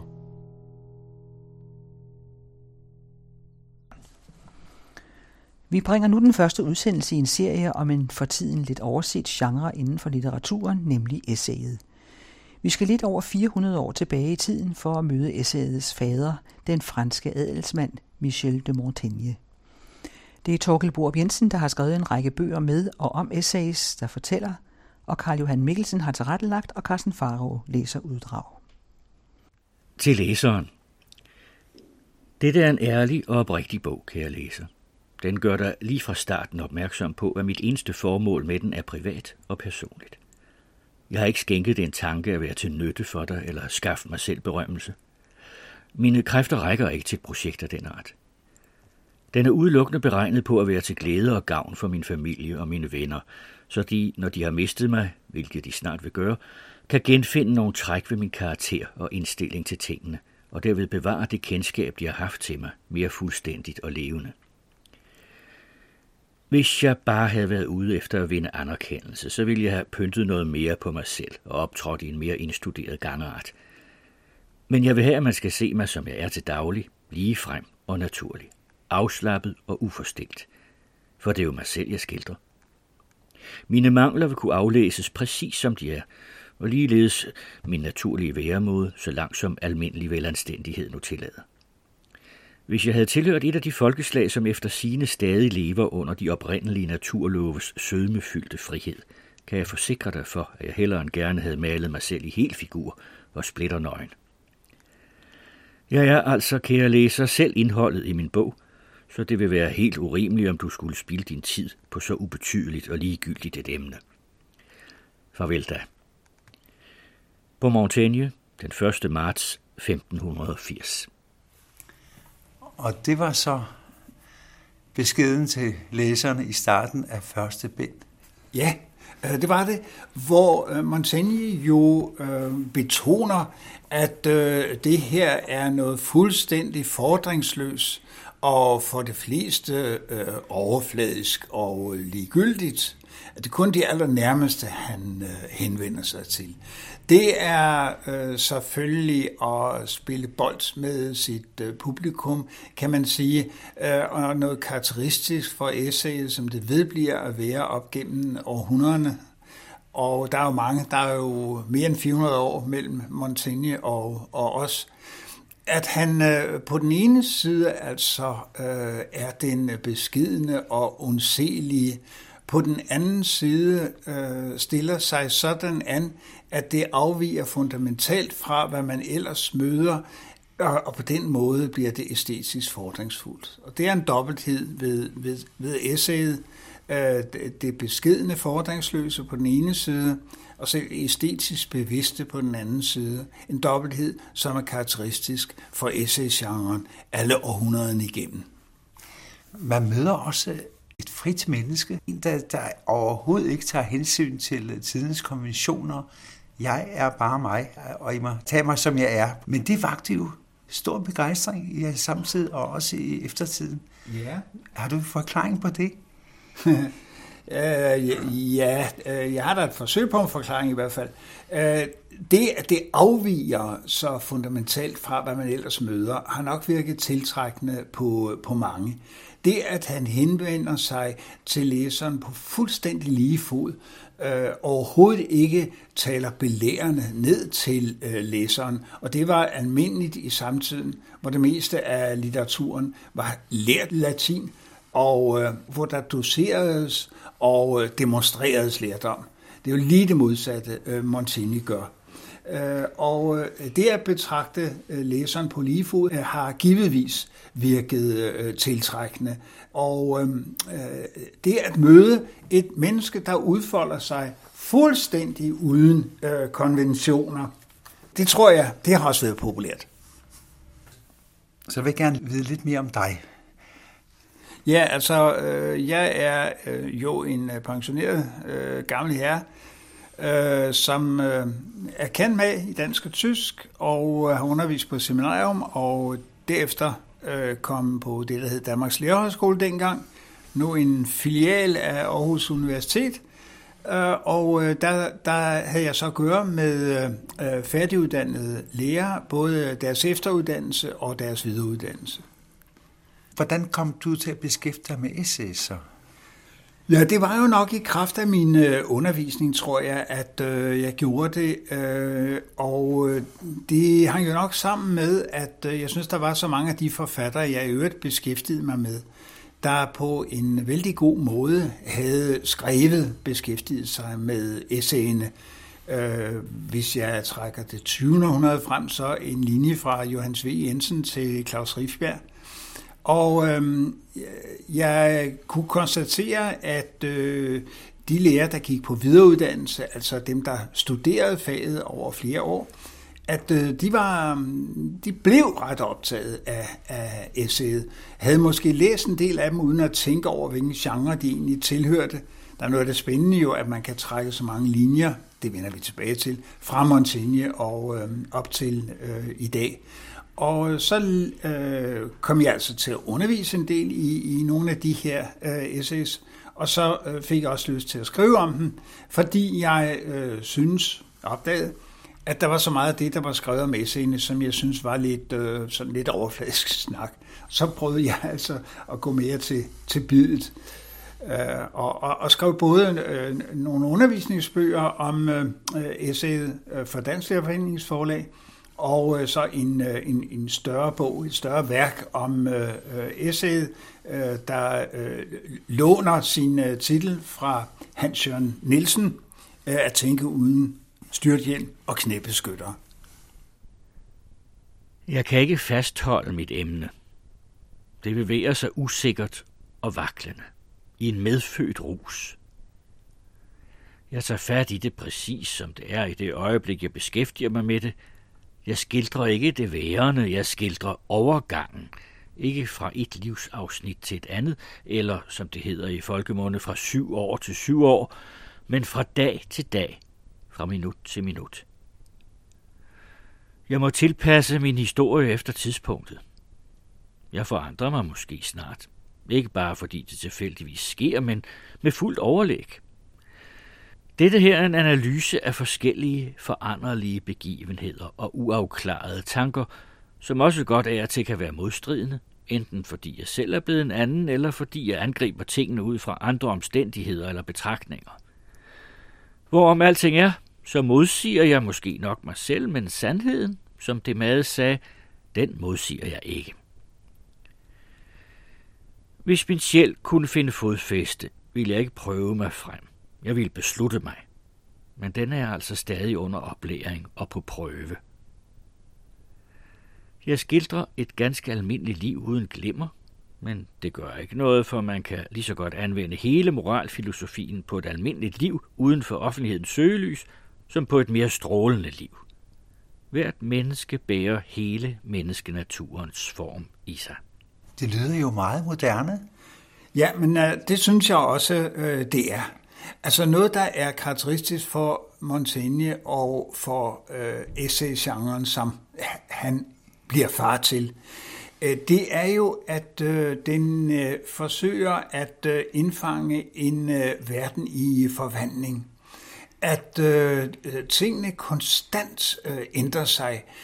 Det hænger også sammen med den genre-titel, Montaigne bruger, øh, essay Øh, fordi øh, han, han spiller på, på ordets flertydighed. Det kan for, betyde forsøg, prøve, smagsprøve, elevarbejde, øh, optakt, skitse. Øh, og øh, der hænger øh, genrebetegnelsen og den måde, øh, genren bliver brugt på af essayisterne, den, den ligner den verden, de vil skildre, der er modsætningsfyldt øh, under øh, forvandling. Den kan man kun nærme sig ved at strejfe den, give smagsprøver. Og det er netop, hvad essayet er og vil, og, og vil være. Kan du se no- nogle forbilleder øh, i hans tekster? Altså... Ja, han, han øh, er jo selv en lært herre, selvom han ikke gør sig til af sin øh, lærdom. Og øh, der er jo tre, jeg så vil, vil nævne. Det er øh, klassikere Seneca og øh, øh Plutark, og øh, så er det ikke mindst øh, Sokrates. Altså han, han øh, kan man meget tydeligt mærke, han er inspireret af Sokrates, øh, disse taler, der er søgende og som stiller sig øh, uvidende øh, an og øh, vil have en lytter, en, en læser øh, med hele tiden, og så at sige gerne vil fremkalde øh, tanker hos læseren, som ikke behøver at ligge parate eller færdige eller klare fra essayistens side. Sådan er genren en bevægelse øh, hen imod afklaring, kan man sige. Og hele tiden bevægelse. Hans essays blev jo populære i hans øh, tid, og ikke mindst i eftertiden. Altså det, det har sat nogle virkninger i, i, i gang, hans øh, forsøg. Øh, har du en forklaring på det? Jamen, det hænger vel sammen med den popularitet og den anderledeshed, som øh, essayet repræsenterede fra starten af, tror jeg. Øh, den ligefremhed, det, den personlige fremtræden, som, som essay øh, altid har, essayisten spiller sig selv øh, ud, øh, uden øh, at, at stille, sig, stille sig an. Jamen, den har virket, den har virket smittende, og det har den altså øh, ned gennem øh, århundrederne. Øh, øh, altså Holberg er nok det første eksempel på en dansk øh, fremtrædende øh, essayist, øh, der netop øh, vil, vil øh, man kan godt sige, vil få læseren øh, til at tænke selv. Det er noget meget vigtigt for Holberg, ligesom det var det for øh, Montaigne. Og så den, øh, øh, den uanstrengte, men dog øh, alligevel afrundede form, øh, den elegante ordleg, øh, og, og det, at man kan være fuldstændig personlig i, i essayet, uden at gøre noget på skrønt, det har nok tiltalt mange sidenhen, sådan at øh, vi også i Danmark øh, finder massevis af essayister i øh, de senere århundreder, og der er det ikke mindst 1900-tallet, hvor, hvor essay i Danmark får en, en stor blomstring. Jeg tænker også på, på oplysningstiden, altså nu var han en forløber for den, altså den frie tanke, altså øh, det må vel også øh, have slået an, altså, og samtidig er den frie tanke også et oprør imod øh, konventionerne og det gamle verdensbillede. Ja, øh, og, og, og, det, og det oprør mod alt det fasttømrede, det der er øh, sat fint i system, Øh, Øh, det, det mærker man. Det mærker man hos øh, Montaigne, og det mærker man, som, som øh, du, du nævner det, det mærker man ikke mindst i, i oplysningstiden. Og 1700-tallet, kan man sige, er tiden for SS' forankring. Det sker først og fremmest i, i England, men det sker så også for eksempel i, i, i Norden, ikke mindst hos, hos Holberg. Det at, at læseren øh, skal øh, ikke blot have noget at vide, men læseren skal helst videre og først og fremmest tænke selv og have modet til at gøre det. De lærte inddeler og definerer deres begreber mere specifikt og detaljeret. Jeg, der ikke kan se længere end erfaring rækker, og som ikke har noget system, fremsætter mine idéer famlende og hulter til bulter. Som for eksempel her. Jeg udtrykker min tanke i usammenhængende punkter, som noget, der ikke kan siges på én gang og under et. Sammenhæng og orden findes ikke hos lave og almindelige sjæle som vores. Visdom er en solid og helstøbt bygning, hvor hver enkelt del har sin plads og bærer sit mærke. Kun visdommen er udelukkende vendt imod sig selv, skriver Cicero. Jeg vil overlade det til de lærte, og jeg har min tvivl om, hvorvidt det vil lykkes for dem at nå til bunds i noget så indviklet, findelt og uforudsigeligt, at ordne de uendelig mange forskellige aspekter i grupper, få styr på vores inkonsekvente handlinger og sætte dem i system. Ikke blot finder jeg det vanskeligt at forbinde dem med hinanden, men selv taget hver for sig har jeg svært ved at karakterisere den enkelte på grundlag af en dominerende egenskab. Så tvetydige og brogede tager de sig ud i forskellig belysning. Så det er et slags opgør med, med tidens videnskab.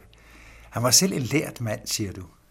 Ja, øh, det var han. Altså, han var jurist, men det var helt øh, tydeligt, at hans øh, forskellige skriverier, der foreligger en del, der foreligger også en rejsebog fra hans side, det er helt tydeligt, at han har læst en masse og bruger det, og det gør han også i sin essay, i det han henviser til mange ting, men ikke henviser for at bevise noget, men så at sige for at variere sin tanke og sin øh, tankegang. Så det, det er sådan, at andre altså øh, bliver brugt, så at sige, i øh, hans eget ærne til hele tiden at stille tingene i ny belysninger, sådan som han også øh, siger det her. Og så siger han jo så også i det, jeg lige læste, at han fremsætter sine idéer famlende og hulter til bulter. Der har vi igen det, at han stiller sig ulært øh, an. Han er, som essayisterne vil være, en amatør. Og ordet i sig selv er meget sigende for en amatør, er den, der glæder sig ved tingene. Og øh, det er, hvad, hvad Montaigne også gør. Men men glæder sig ved dem ved at give sig fordomsfrit øh, i kast, i kast med dem. Og øh, øh der kan han være, han siger selv altså, de, de kommer hans idéer hulter til bulter, at øh, han øh, øh, skriver og tænker associativt, altså i små spring, kunne man, kunne man sige.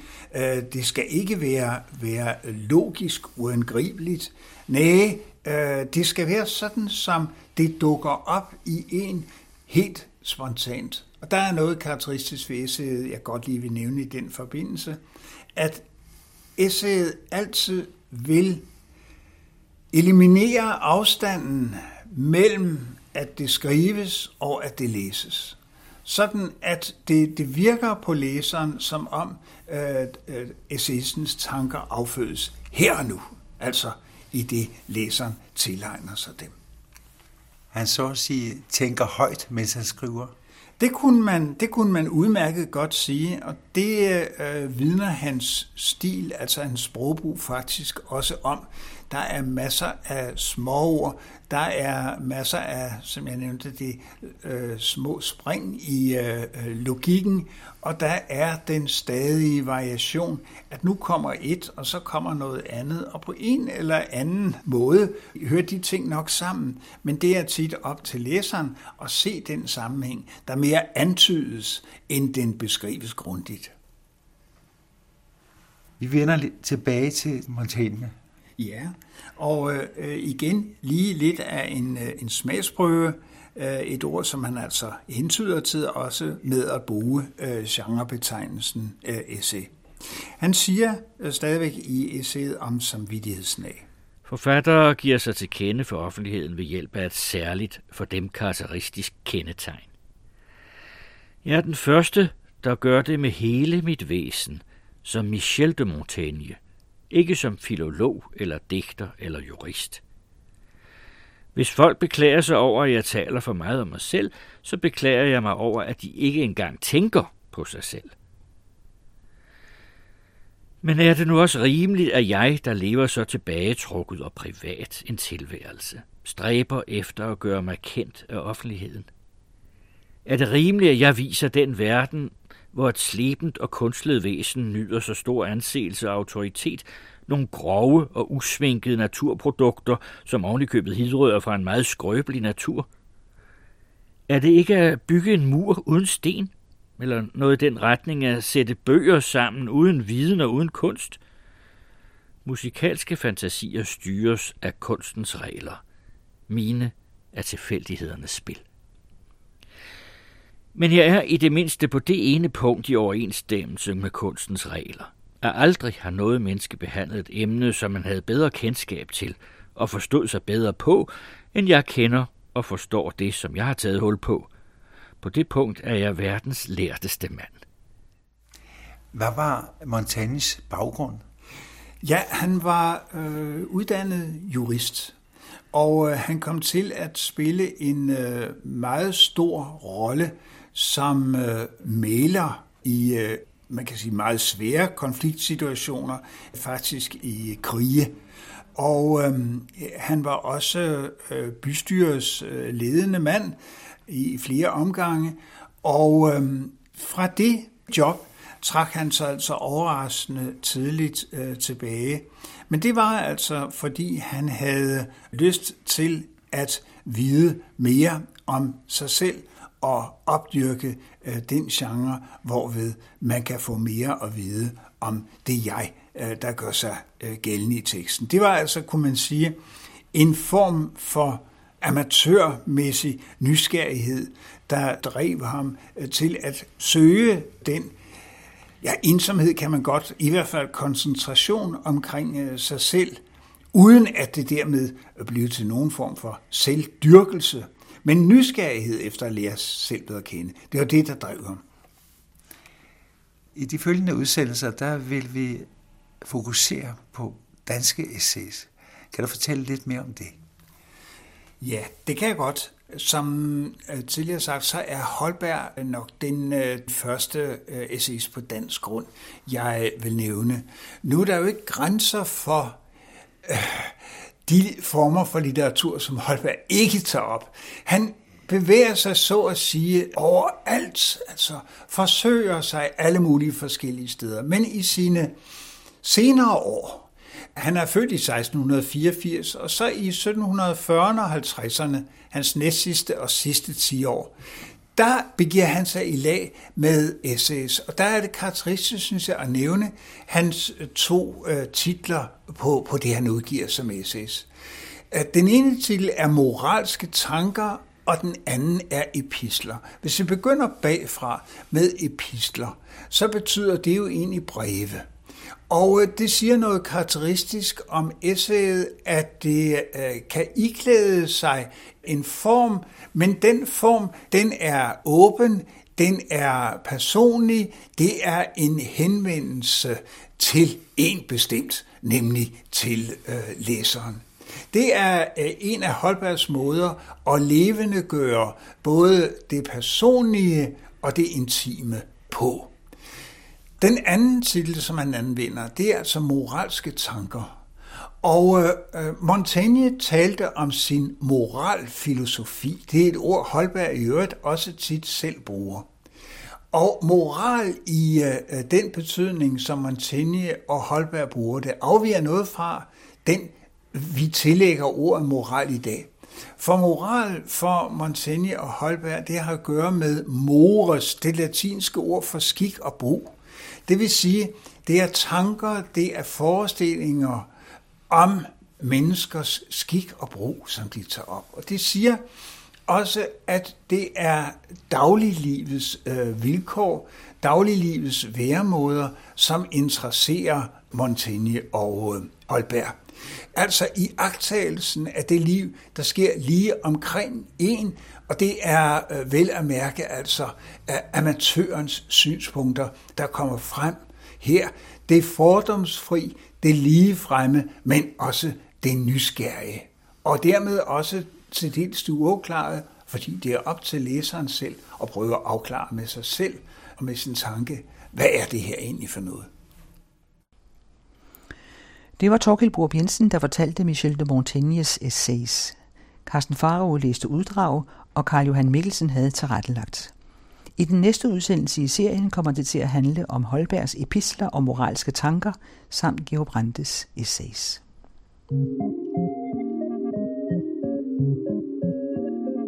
Den anden radio. I dybden.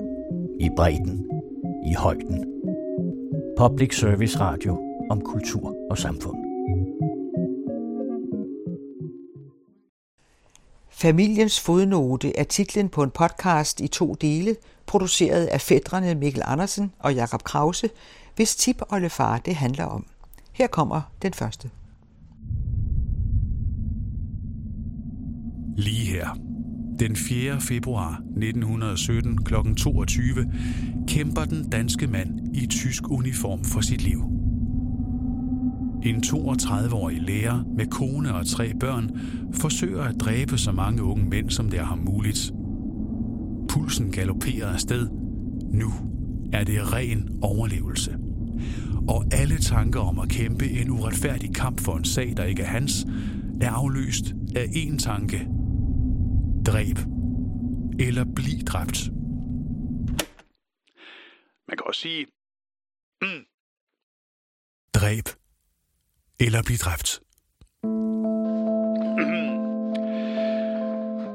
Ja, for fanden Mikkel, det er sgu da barske løjer, det du har her. Det må jeg nok sige. Jeg, øh, jeg tror lige, jeg laver en version mere til dig. Det, du lige hørte, er faktisk målet for den her podcast, eller i hvert fald en lille del af den. Vi vil have en god fortællerstemme til at gøre den tid levende, hvor vores tibollefar døde. For som et gammelt ordsprog lyder, så dør et menneske to gange. Den anden død er at blive glemt.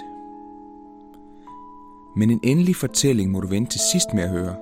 For selvom vi kan forestille os nogle smukkere måder at ære vores tiboldefars minde på, end ved at udødeliggøre hans sidste minutter på bånd, så kræver det også, at vi ved, hvad der faktisk skete med ham. Og den er straks værre. For vores egen familie har ikke kunne bidrage med meget mere end navnet på ham. Og så selvfølgelig myten om den sønderjyske soldat i tysk krigstjeneste. Vil du, øh, vil du det i de stillinger. Men det var jo mest bange for, det var shrapnels. Det er granater. Og lige så kommer over fjenden, så eksploderer de jo, så er det bare små, spidse, øh, store stykker til at flyve. Og det var slemt. For det er jo i tusindvis i, i, i sådan en granat. Og, det, og vi tog det ud af 1200 mand, og kom kun 300 tilbage. Jeg hedder Mikkel Andersen. Jeg hedder Jakob Krause. Vi er fædre med et sønderjysk ophav, og vi har altid været svært historieinteresserede. Som små fik vi at vide, at vores tibollefar faldt i 1. verdenskrig, på samme måde som ca. 5.000 andre sønderjyder gjorde det. Når man som os er lidt krigsliderlige, så var den historie altid forbundet med en stærk sønderjysk stolthed og indignation over, at Tyskland på den måde kunne gribe ind i private danske hjem og ødelægge familier i hele landsdelen, når fædre, sønner og brødre blev omdannet til kejserens kanonføde. Men som du snart vil opdage, så tyder mere og mere faktisk på, at mindet om vores tibollefar ikke helt passer med historien om de mange danskere, der uretfærdigt blev tvunget til at forlade len i de gamle danske marker og drage afsted i tysk uniform. Med andre ord, måske smed vores tibollefar sin le lige rigeligt hurtigt, og havde måske knap så meget foragt for den tyske sag, som vi ellers gik og troede. Men det er bare noget af alt det, vi har fundet frem til på vores opdagelsesrejse, som du nu kommer med på. Vi har været rundt i Sønderjylland. Og jo længere de kommer ind i krigen, så tog de jo også nogen, hvor det handicappede, eller hvad skal han sige, mm. det, hvor der måske ikke havde ja. kunne mange den lille finger, eller de røg skulle med, så man slæbte ja. på det ene ben. Ja. Vi har været i Frankrig. This is our uh, third uh, mission in France. Last year we were in, in the Champagne in Reims. Og tilbage i Sønderjylland igen. Alt sammen i forsøg på at komme nærmere ind på livet og døden af vores tipoldefar, Alfred Ferdinand Carstens. Men turen starter hverken i Sønderjylland eller i Frankrig. Den starter i Aarhus, hvor mindet om vores tipoldefar lider det første store knæk.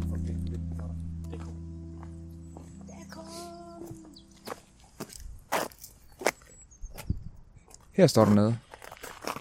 Mindesmærke. Her står der så for 4.140 soldater, der mistede livet i 1. verdenskrig 1914-1918. Både dansksindede sønderjyder, der kæmpede på tysk side mod deres vilje, samt danske emigranter, der kæmpede mod Tyskland af mindet. Vi er i Mindeparken lige syd for Aarhus i det naturskønne område ved Marcelisborg Slot. Super. Okay. Jamen, så må vi jo ind og finde ham. Ja, lad os gøre Tværs over parkens store plæne med udsigt til vandet ligger et kæmpe cirkulært monument i kalksten, rejst i 1934 for de faldende danske soldater i 1. verdenskrig. Det er, også, det er godt nok stort. Her er navn, fødested, dødsted og datorerne mejslet ind for de dræbte er- sønderjyder. En stor cirkel. En, mur, en stor mur i en cirkel. Ja. Og så står der altså bare navne. Massevis af navne. Og de er så øh, alfabetisk på efternavnet, eller hvad? Yes. Og så står der, hvor de er fra. Og hvor de, ja, hvor, hvor de er født, og hvornår de er født, og hvor de døde, og hvornår døde de. Præcis. I løbet af den fire år lange krig måtte mellem 30 og 35.000 sønderjyder trække i tysk uniform og kæmpe for en sag, der ikke var deres. Og knap 5.000 af dem betalte den ultimative pris på Vestfrontens mudrede ingemandsland eller på de uendelige kolde sletter på Østfronten. Monumentet i Mindeparken virker derfor som det oplagte sted at lede efter informationer om Alfred. Men vi har taget optageren med, for alt er ikke som det bør være. Et rygte har svirret i familien, der tidligere på året har været på besøg i Mindeparken. Vores tipoldefar står åbenbart ikke på mindetavlen med tusindvis af andre dræbte sønnyder for krigen. Vi har en... Står der her Carlsen, Carlsen, Carsten, Carstens. Peter Carstens. Født i Frøslev, død i Rusland. Hårdt. Ham kender vi ikke. Og så er det... Øh, nå, der, Der er to. Peter A. Carstens. der hedder fuldstændig det samme. Men med 10 års aldersforskel. Den ene dør i Rusland, den anden dør i Frankrig. Ja. Okay. Så her står han altså. Her står han ikke. Han står ikke under Carstens. Nå, hvor er han så henne, Alfred? Skal vi prøve at kigge under Ferdinand også? Det kunne være... Ja, det synes jeg, det bliver vi øh, nødt til. Ja. Vi leder monumentet igennem og møder små og store fødebyer for hele Slesvig, mens dødstederne derimod er spredt over hele Europa. Men hvor er Alfred? Altså, nu har vi let fra... Vi har, vi har kigget 4.000 navne igennem nu. Vi er lidt igennem. Han er her ikke. Han står hverken under... Der er ikke en... Vi har set det på Alfred, og vi har set det på Ferdinand, og vi har set det på Carstens. Men ingen... Er det en fejl, eller hvorfor? Altså, hvad fanden? Det, man kan da ikke. Altså, enten så... Ja, enten så er han ikke død i krigen alligevel, og det vil betyde øh, en familieløgn, vi har fået at vide. Så står vi her med vores optager og er til grin. Eller også så... Øh, eller så er det ikke alle, der står her. Vi finder ikke svaret lige her. Det er helt sikkert. Det er fandme ærgerligt. Det var her, vi skulle vide, hvor han døde, så vi kunne komme videre i teksten. Det var jo også... Øh, det var det, der skulle fungere som en ledtråd til, til næste skridt. Vi skylder fiaskoen fra Mindeparken ned med en pilsner og en solid god dansk frokost. Skal du have, skal du have glas til? Nej, helt tak. Ingen store mysterier er blevet løst med kildevand, og den her frokost skal vise sig at være et godt eksempel på det. Så vi skal have fundet ud af, om han er død. Det er han selvfølgelig. Ja. Hvornår han død, og hvordan er han død. Ja. Vi fandt ikke noget nede på tavlen. Satans. Ja. Vi har prøvet at google hans navn. Det er altid strik i bogen. Mm. Der kommer ikke en skid frem. Ikke en skid. Mit, mit forslag vil være, at vi, vi kigger i, i aviserne fra, fra dengang. Ja. Øhm, og ser, om der skulle være et eller andet ledetråd der. Det Jakob han foreslår, det er måske den rigtige vej, men det kan også ende som et fuldstændig uoverskueligt projekt. Omkring 1. verdenskrig var der hundredvis af aviser og dagblade i Danmark og Slesvig, og vi har hverken år eller dato til at snævre søgningen ind. Men thank God for digitalisering. Så åbner vi lige en ny fane her, og så går vi ind på Mediestream. Ja.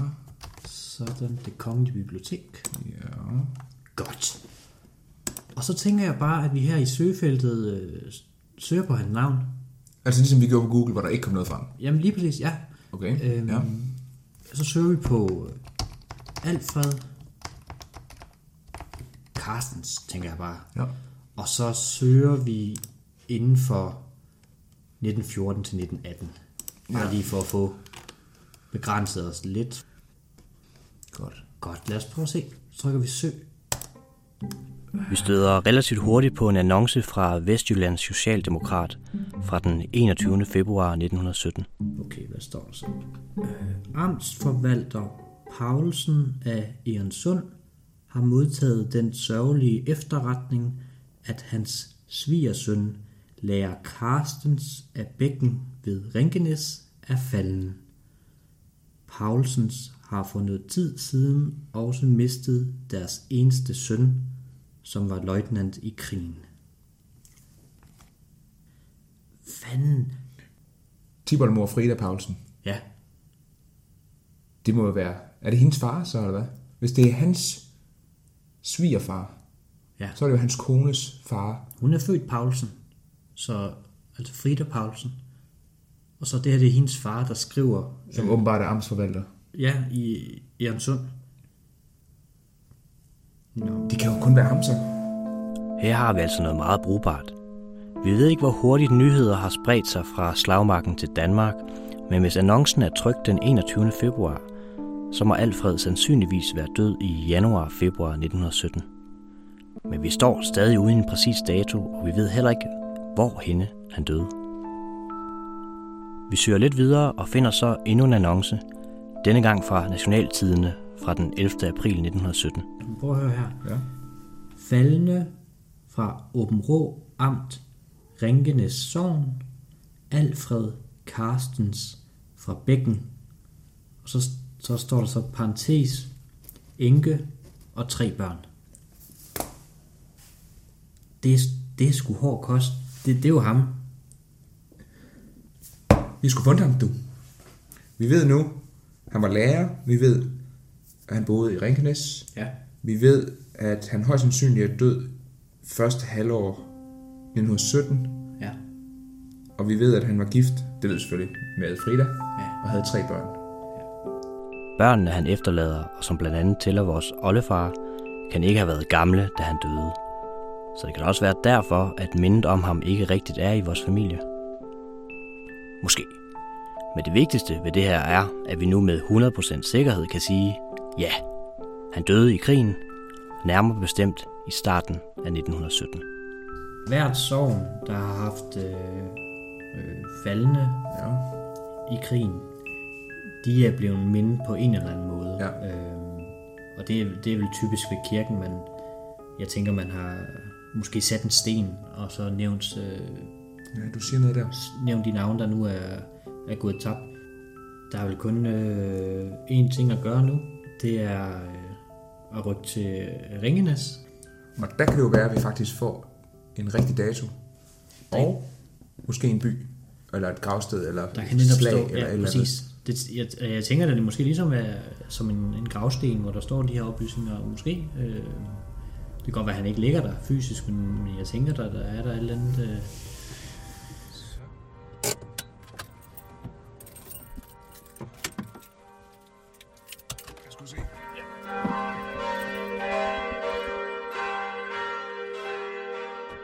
Ved Rinkenes gamle kirke, ja, det hedder den faktisk, for der er to kirker i det lille sogn. Der finder vi ganske rigtigt en mindesten for de faldende sønderjyder. Og der er uhyggeligt mange navne det lille folkefattige sogn taget i betragtning. Hvad har vi her? Hold. Det ser rigtigt ud, det her. Hvad står der her? Dette minde rejste Rinkenes sogn for sine faldende 1914-1918. Okay. Og så er der simpelthen en mindesten fra hvert, hver landsby, må det være. Ja, du har alle når der. Ja. Tre forskellige. Du har trappe, og så har du, har du landsbyen Dalsgård, Dalsgård. Stranderøde, Bækken. Bækken. Bækken. Det er... Og det er den landsby, der er flest dræbte fra. Ja, det er det der. Alfred Carstens. Der står han fandme. Fedt. Det er det første, det er det første, det Og det, er det første mindested, vi har set ham på. ja, præcis. Nå, kæft, det er sgu lidt stort. Men, men der står selvfølgelig så heller ikke andet end bare navnet. Okay, vores tiboldefar er nu fundet på en mindesten i Rinkenes. Men det er jo ingenting i forhold til det massive monument i Mindeparken i Aarhus, hvor alle navne også er udsmykket med fødested, dødsted og datoerne for dem. Så hvordan finder vi så ud af, hvor og hvordan han døde? Her kan vi glæde os over den store kapacitet i Jakob og hans historiefaglige kunde og arkiverfaring. Jakob foreslår, at vi skal kontakte en af hans venner og tidligere medstuderende på historie i Aarhus, Maria Meier. Har du faktisk noget? Sådan, Jamen, det er faktisk sjovt nu, du siger Første Verdenskrig. Ja. Øh, min øh, fætter Mikkel Ja. og jeg, vi er faktisk lige gået i gang med lidt af, et- lidt af et projekt. Jakob fortæller Maria, at vi forgæves har kigget efter vores tibollefar på monumentet i Aarhus. Nu håber vi så, at Maria kan fortælle, hvorfor. Altså, det, hvis han ikke står der, så den ene er jo, at han har været tysksindet. Han har været dømt til ikke at måtte stå der. Øhm, der er jo også den mulighed, at familien har afskrevet, at han måtte stå der. Der er jo simpelthen nogen, der siger, at vi vil ikke mindes på dansk mindestanke, ja. fordi vi føler os som tyske. Og det vil være mit største svar på, hvorfor han ikke står der. Ja, ja. Fordi jeg ved, at det er bedømt ud fra, hvem er danske. Hvem er dansksindet i det her område? Hvem er faldet som dansksindet? Hvem har lever op til nogle krav? Jeg er så nysgerrig på den der proces, fordi jeg ved det ikke. Hvordan afgør du, om en person er dansksindet? Efter vores møde med Maria, prøver vi nu at få tingene til at give mening. Kommer vi virkelig fra en familie, der aktivt har sagt nej tak til at blive hyldet på dansk? Så hvad enten han er blevet frabedt, om familien har frabedt sig det, eller hvis han har fået forbud mod at være der, mm. så bunder begge to i, at det er fordi, han er for tysksindet til at være på et dansk monument. Ja. Det virker fuldstændig grotesk, begge dele. Altså, tys, at han skulle være tysksindet, det forstår, det, det, det er aldrig, nogen, aldrig noget, der har, der har peget på i vores familie. Nej. Altså, altså, vores familie er sgu da dansk som dagen er lang. Hør, den tysksindede mulighed kommer tydeligvis bag på os. Men det er en vej, vi er nødt til at forfølge for at finde ud af, om det overhovedet er muligt at få tibollefar på monumentet i Aarhus. Den eneste måde at blive klogere på den tysksindede mulighed er at gå til familien. Vores bedste kilde er vores mormor og morfar i Dybel i Sønderjylland. Vores morfar er den direkte efterkommer af Alfred. Det var hans farfar, så hvis nogen ved noget, er det ham. Vi inviterer os selv derned til en kop kaffe og en snak om familiehistorien. Men vil du have med kaffe? Nej, tak. Jeg kunne godt have Skal du have et stykke kaffe med? Ja, det skal jeg, men jeg skal lige på toilettet Jamen, først. det gør du da bare. Jeg skal da have et stykke til. Ja, ja. Efter at kage- og kaffedepoterne er fyldt op, spørger vi vores morfar, om han nogensinde har fået fortalt noget om sin farfar fra sin egen familie. Husk at spidse ører, for han taler i sprog. Min far, han var den type, han snakker aldrig om noget. Han var altså også et pjok, hvad det angår. Ja. Han, et, altså, han var totalt ligeglad. Ja. Det familie, det var godt, det hang overvækst. Ja.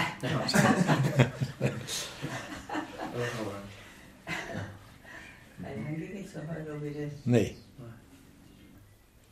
Det er for sent, vi er, vi er blevet Øh, voksne, vi begyndte at, at, at, at, interessere os. Hvad er det for noget, det er her? Og, og hvis vi var ferie nede ved, ved min øh, bedstemor og bedstefar, ved du hvad, de snakkede ikke sådan med børn dengang. Det gør de ikke. Altså, det her, der, øh, dengang der tændte man ikke af, men det her, der tændt mange gange, er jo nu et. Ja. Og Alfred, et, jeg kan huske en gang, oppe i Augustmor som købmand, der var jo et sted ude med varer. Og han havde Alfred til lærer. Ja. Det var helt int- interessant. Ja. Og han fortalte jo, det var en flink mand, og, og, og han kunne godt lide ham, og så vi. Det, det er faktisk, det er faktisk, hvad jeg hører om, ja. om min farfar. Ja. Et. Så det, desværre altså, vi ville da godt have vidst meget mere om ham. Et, han var lærer i Begge, og han var lærer i Hensson. Et, og det er nok det, min bedstemor har fundet ham jo. Ja. ja. ja. Hvis vi har i gavn øh, at bruge min bedstemor, inden hun døde. Men der, det satte jo op i hovedet, til nu skulle vi til at, at ganske og få noget vide ved hende. Som forventet er udbyttet om Alfred meget begrænset. Men var Alfred mund tysksindet? Her får vi til gengæld meget mere at vide. Jamen, jeg ser, det er svært at sige med det, for det var, det var jo tyskhed. Men tror du, tror du han havde, været det? Tysk. Tysk. Ja. Jeg tror. Og, og igen, Fidi, de, de var også tysk. Hvem? Ja, Fides. Ja, uha. Altså din fars bror. Ja, de var meget De tysk. var tysk. Han var da tysk givet med hende. Øh, lykke, og de snakker jo tysk hjemme, Ja. indbydelse. Så, så det, det hele, det var... Ja. Ja. Så, de, så ved genforeningen, der har været, de har stemt tysk, så vi. Ja, det er det. Ja, det havde de bestemt. Det er de da. År. Det kan du tro. Vi fortæller, at vi ikke har kunnet finde Alfred op på mindemuren i Aarhus, og at det nok er fordi, at der taler om et dansk monument, hvor kun dansksindede sønderjyder er nævnt. Hvad er det for? Ægte sønderjyde. ja. Ja, det giver mening, så. Ja, det giver mening. Okay, så selv familien mener, at det tyske sindelag er oversat til, at Alfred ikke er nævnt på mindemuren. Er I blevet lidt kloge? Ja, det synes jeg, Det er ikke meget, jeg kunne bidrage til om Alfred, selvom jeg godt ville have vidst noget mere om ham. Nå, men tak for det i hvert fald. Ja, det siger jeg også. Jeg ville gerne have fortalt med, hvis jeg kunne. Selvom vores morfar ikke kan fortælle mere om Alfred, hvor end han gerne ville, så får vi til gengæld noget at vide om vores tiboldmor og den familie, han giftede sig ind i, nemlig familien Paulsen. For der er ingen tvivl om, at det var en tysksindet familie, og de havde en vis indflydelse i lokalsamfundet. Fridas far, Asmus Paulsen, han var amtsforstander, han var toller, og så var han teglværksejer. Teglværket lå helt nede ved vandet ved Sund og bar det meget tysklende navn Prinsenhof. Derudover kunne de fortælle, at Fridas bror, August Paulsen, han deltog også i krigen, og han vendte heller ikke hjem. Og navnet Paulsen, det er vi stødt på tidligere. Prøv lige at tænke tilbage på den annonce, vi fandt omkring Alfreds død. Paulsens har for noget tid siden også mistet deres eneste søn, som var løjtnant i krigen. Så, Det var satans. der er ro nok. Ja. Vi ja. fangede bare ikke, at det jo var Nej. selvfølgelig Tiboldemors bror. Selvfølgelig. Spørgsmålet er så, hvad jeg kommer til at tænke på, hvis vi skal undersøge vores tiboldefars sindelag, Ja. det, det er noget, der er umuligt, men det tætteste, vi kan komme på, det er jo gennem familie. Ja, klart. Og der er ikke mange, vi kan spørge, men kunne det her ikke være en ledetråd? Altså ham her, August Paulsen, som han så åbenbart hedder, som også skulle være faldet, hvis vi nu kan finde mere om ham. Ja. Eller hvad? Det er et for, helt klart et forsøg var. Øh, vi kan jo gøre på samme måde, som vi gjorde med Alfred i aviserne. Ja. Inde på øh, Mediestream. Så egentlig bare prøve at starte forfra med ham hers navn, som jo må være Tiboldefars svoger, så. Ja, det må svare, ja. August Paulsen kan være endnu en ledetråd til oplysninger om vores tiboldefar, og der dukker der også hurtigt brugbare resultater op i vores søgning. Flensborg Avis. Ja. Øh, 27. juli 1916. Så et halvt år før. Okay, der står Amtsforstander, teglværksejer A. Paulsen i Ørensund har fået meddelelse om, at hans eneste søn, løjtnant i reserven, August Paulsen, der havde meldt sig frivillig ved krigens begyndelse, er faldet den 19. juli. Han var 21 år gammel og befordret med jernkorset. Nu kæft! Shit, jernkorset. 21 år gammel, frivillig. Okay. Der er ikke noget med at være tvunget i krig her. Oplivet af at have fundet dødsannoncen på August Paulsen, forsøger vi nu at se, om lokalarkiverne i Sønderjylland måske har materiale på vores tiboldefar Alfred og hans svoger August. Desværre kommer der ikke noget op, når vi søger på vores tiboldefar. Men når det kommer til August Paulsen, er der til gengæld bid. Paulsen. Øh, Hold da kæft. Egernsund Løjtnant. Bruger jeg lands lokalarkiv. Lad os- Det er så nogle personlige dokumenter fra August Paulsen. Øh, Første verdenskrig står der så. Det kan jo være hvad som helst, men det, det, det lyder virkelig, virkelig interessant. Så kan vi lige klikke videre her, så står der faktisk, at det er dagbogsoptegnelser fra Første verdenskrig. Jamen, se nu der. 1914 til 1916. Vi kontakter lokalarkivet og bestiller en kopi af dagbogen, som forhåbentlig nævner vores tipoldefar på den ene eller anden måde. Vi kan dog nok ikke regne med, at en dagbog fra en svoger alene kan forklare, hvordan og hvornår vores tipoldefar blev dræbt.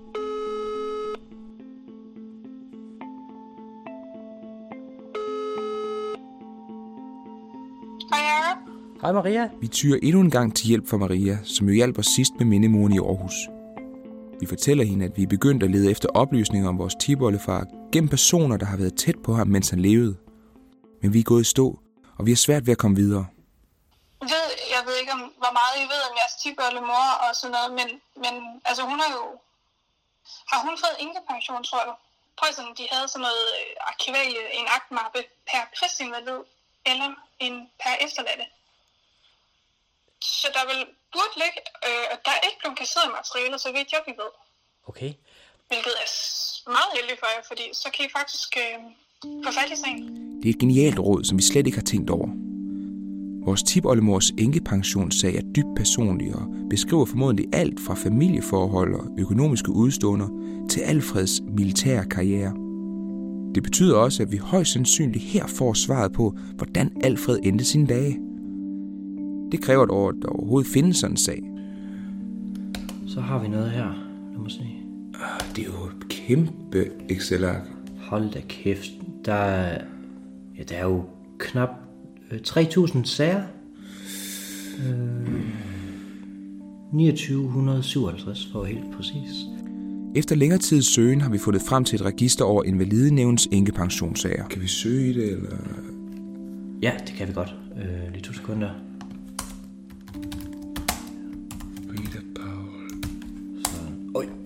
Der. Er hun fandme. Fedt. Okay, godt. Og så kan man... Vi kan, vi kan lige vi kan klikke på den. Og her står der så... Frida Carstens, født Paulsen. Øh, ansøgning om enkepension efter Alfred F. Carstens død i Frankrig 1917. Sagen ligger på Rigsarkivet, og modsat dagbogen fra August Paulsen, som vi også går og venter på, så kan enkepensionssagen kun ses fysisk på Rigsarkivets læsesal. Men det er sommerferie, og det betyder lang ekspeditionstid. Vores efterforskning har haft en naturlig pause, men Jakob har alligevel brugt lidt af sin sommer på at grave efter oplysninger, der kan føres videre. Kom ind for. Tak. Alt vel? Jo tak. Stille og roligt. Jeg var fandme spændt på, hvorfor jeg skulle tage optageren med. Ja, jamen det... Øh, Kan du lige holde, så skal lige have Han er tilfældigvis faldet over en bog, der ganske uventet viser sig at indeholde brugbare informationer om vores tipoldefars skæbne. Og så se den her bog, jeg har lige her. Lærerne i Nordslesvig. Ja. Hvis du nu slår op under C, så får vi at se, om der er noget, vi kan bruge. Så her, se. Jeg går ud fra, at jeg leder efter... Der står det her, du. Alfred Fanden Carstens. Præcis. Og så så slå op på side... Her. Nå, hvad står der så her? Alfred Ferdinand Carstens, født den 20. august 1885 i Svabsted. Øh, søn af aktionator Johannes Carstens og hustru Margrethe Carstens. Han er uddannet lærer fra Tønder Seminarium i 1906. Han kom herefter til at fungere som fjerde lærer i Egernsund frem til 1909. Fra 1909 til 1910 var han lærer i Vejgaard, og fra 1910 til 1916 var han lærer i Bækken, Rinkenes. Tjek. Den 27. oktober 1907 blev han gift med Frida Auguste Paulsen. Det er jo vores tiboldmor perfekt. Hold nu kæft. Faldet 4. februar 1917. Bøjlencourt, Frankrig. Ej, det er løgn. Præcis, mand. Af alle steder er det en bog fra 1978 om lærerne i Nordslesvig, der indeholder de meget vigtige oplysninger om vores tiboldefars død. Vi har nu en præcis dødsdato, og måske endnu vigtigere, vi har nu også et navn for det sted i Frankrig, hvor han mistede livet. Det er jo fuldstændig det, vi har let efter. Det er så vildt. Jeg foreslår, at vi smider, mens jernet er varmt. Ja. Og prøver at få undersøgt nogle af de her ting. Boulogne Bylundkort. Så ikke Bøjlenkort. Okay. Okay. Og hvor fanden øh, ligger så henne? En hurtig søgning på Google Maps fortæller os, at det er en lille landsby i Nordfrankrig, cirka 50 km nordøst for Amiens. Den her by ligger faktisk i området ved Somfloden, hvor nogle af 1. verdenskrigs største slag fandt sted. I bogen får vi også at vide, hvor Alfred blev født. Det gjorde han i Svabsted. Men ligger det i Sønderjylland? Resultatet overrasker os en smule. Alfreds fødeby Svabsted ligger nemlig ikke i Danmark. Der er derimod tale om det fordanskede ord for landsbyen Svabsted, der ligger i Sydslesvig, cirka 55 km sydvest for Flensborg. Det var satans. Så den måde, det er stadig på i din bog, Jacob, Ja. det er egentlig bare en fordansning Ja, det er det. af det tyske ord Schwabsted. Ja. Som, som, jeg, som jeg heller ikke kendte, men... Nej, nej, nej. Så han er født et godt stykke syd for den nuværende grænse. Det, det, altså, det taler jo ikke sådan for, at han... Han bliver ikke mere med dansk af det her i hvert fald. Nej, det, det gør han ikke. Altså, der var selvfølgelig også øh, dansende dernede. Jo, jo. Og stadigvæk, men... Men, ikke? Jo. Næste gang i familiens fodnote. Where he's most likely buried. Turen går til Frankrig i jagten på Alfreds grav. you, you have names, but sometimes, like here, ein unbekannter deutscher Soldat, unknown German soldier. So nobody knows who he really was. Og så får vi endelig fortællingen at høre om Alfreds sidste minutter. Ja, så skal mikrofonen også lige kunne holde sig til det, og det kan den, hvis jeg lige spænder den lidt der. Kan den ikke det? Jo.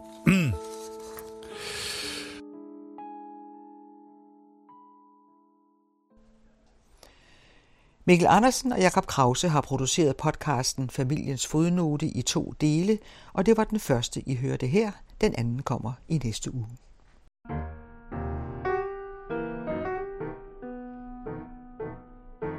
Du lytter til Den Anden Radio.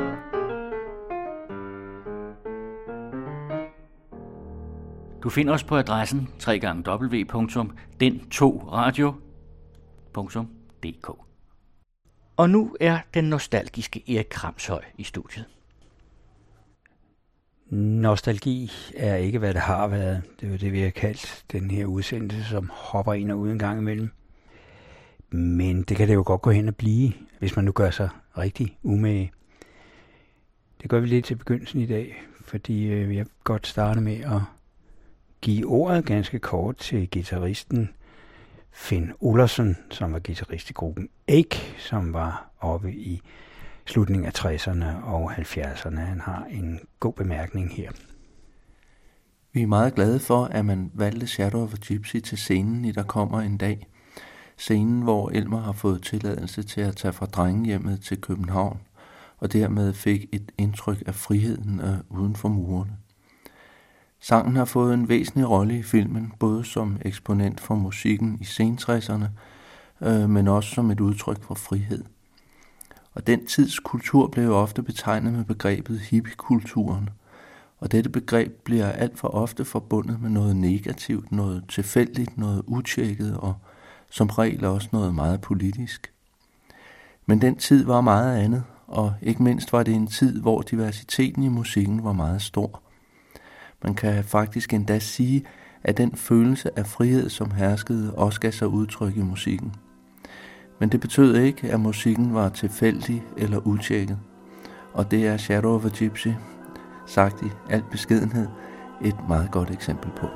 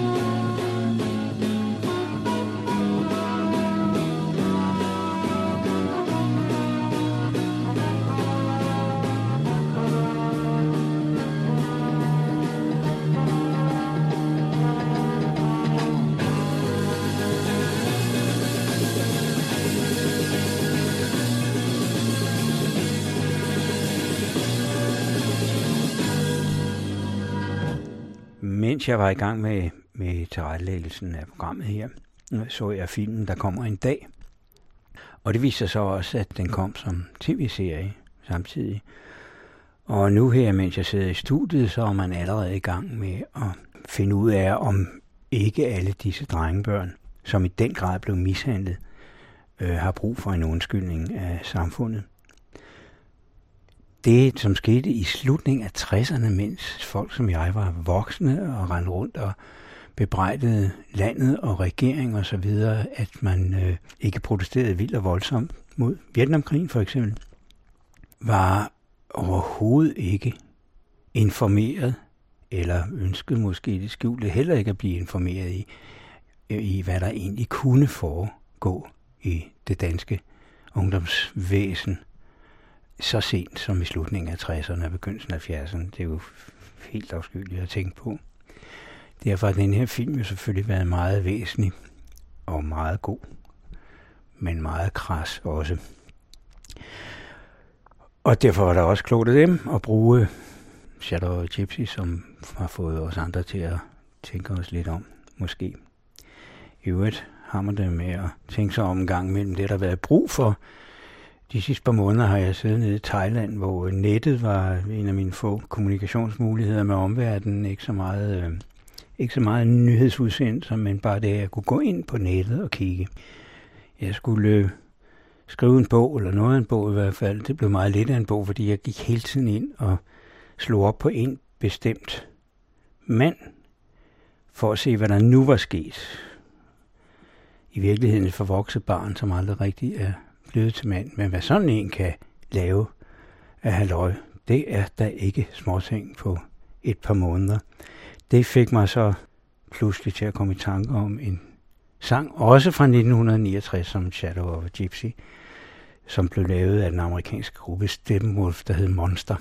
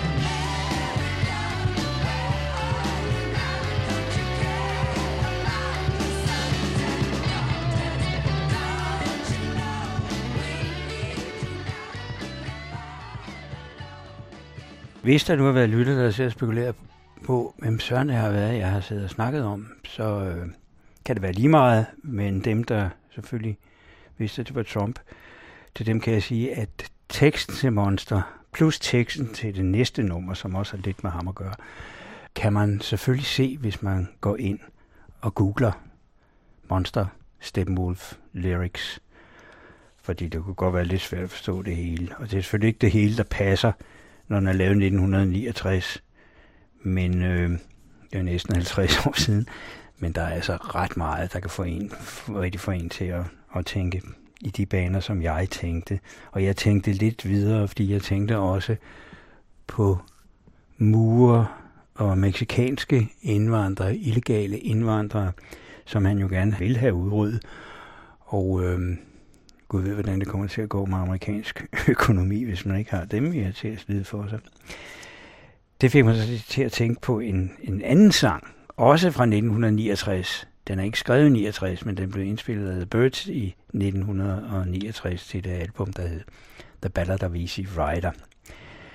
Sangen handler om en flyulykke, som øh, fandt sted i 1949 og øh, i Kalifornien. Der var 32 med, tre besætningsmedlemmer og øh, 29 passagerer. Alle disse passagerer, de var deportees. Og det er der ikke rigtig nogen dansk oversættelse, andet end de var deporteret, men det vil sige, at de havde faktisk mistet deres personlige identitet. Så da det blev skrevet om flyvelykken, så stod der bare de tre besætningsmedlemmers navne, og resten var deportees. Det fik Woody Guthrie til at skrive øh, denne her sang. Og den er så blevet en standard, hvis man stadig sådan er, har lidt empati over for andre mennesker, især over for dem, der er sværere end sig selv. Så den sang kom jeg naturligvis også i tanke om, i og med det, det var øh, meksikanske immigranter, det drejede sig om dengang i 1949. The crops are all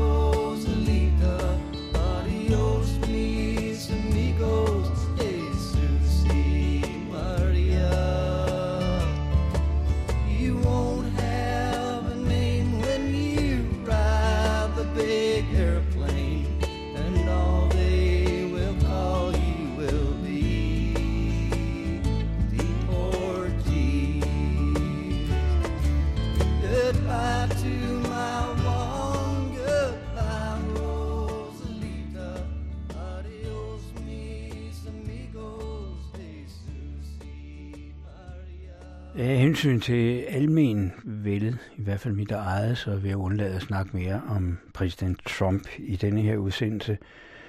Øh, Jeg vil dog ikke helt forlade det politiske og USA. Soulmusikken er almindeligvis ikke særlig kendt for at være særlig politisk. Man vil heller ikke sige, at sangen, vi skal høre nu, er specielt politisk i den forstand. Den er måske nærmere historisk. Den handler om import fra Afrika til USA for nogle hundrede år siden af slaver. Dermed bliver den jo politisk. Det kan man jo gøre alt til. Men øh, samtidig så var det en eksponent for et øh, soul-dynasti i USA, som varede en sted mellem 5 og 10 år. 5 på toppen og 10 år i alt, vel. Vi skal høre OJ's og Shibo Høje, og i øvrigt så ved jeg, at dem, der i 70'erne så Jacob Holts amerikanske billeder, har sikkert aldrig glemt den her sang. Ship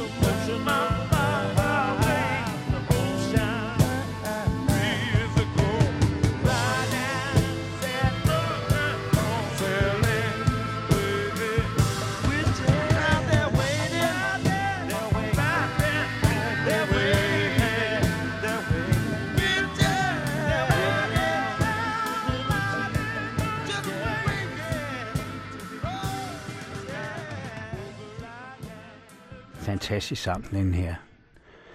Shibahoi, den er fra 1973, og albumet med OJ's var også fra 1973. Og det var på det tidspunkt, hvor The Philly Sound, The Sound of Philadelphia, var på sit højeste.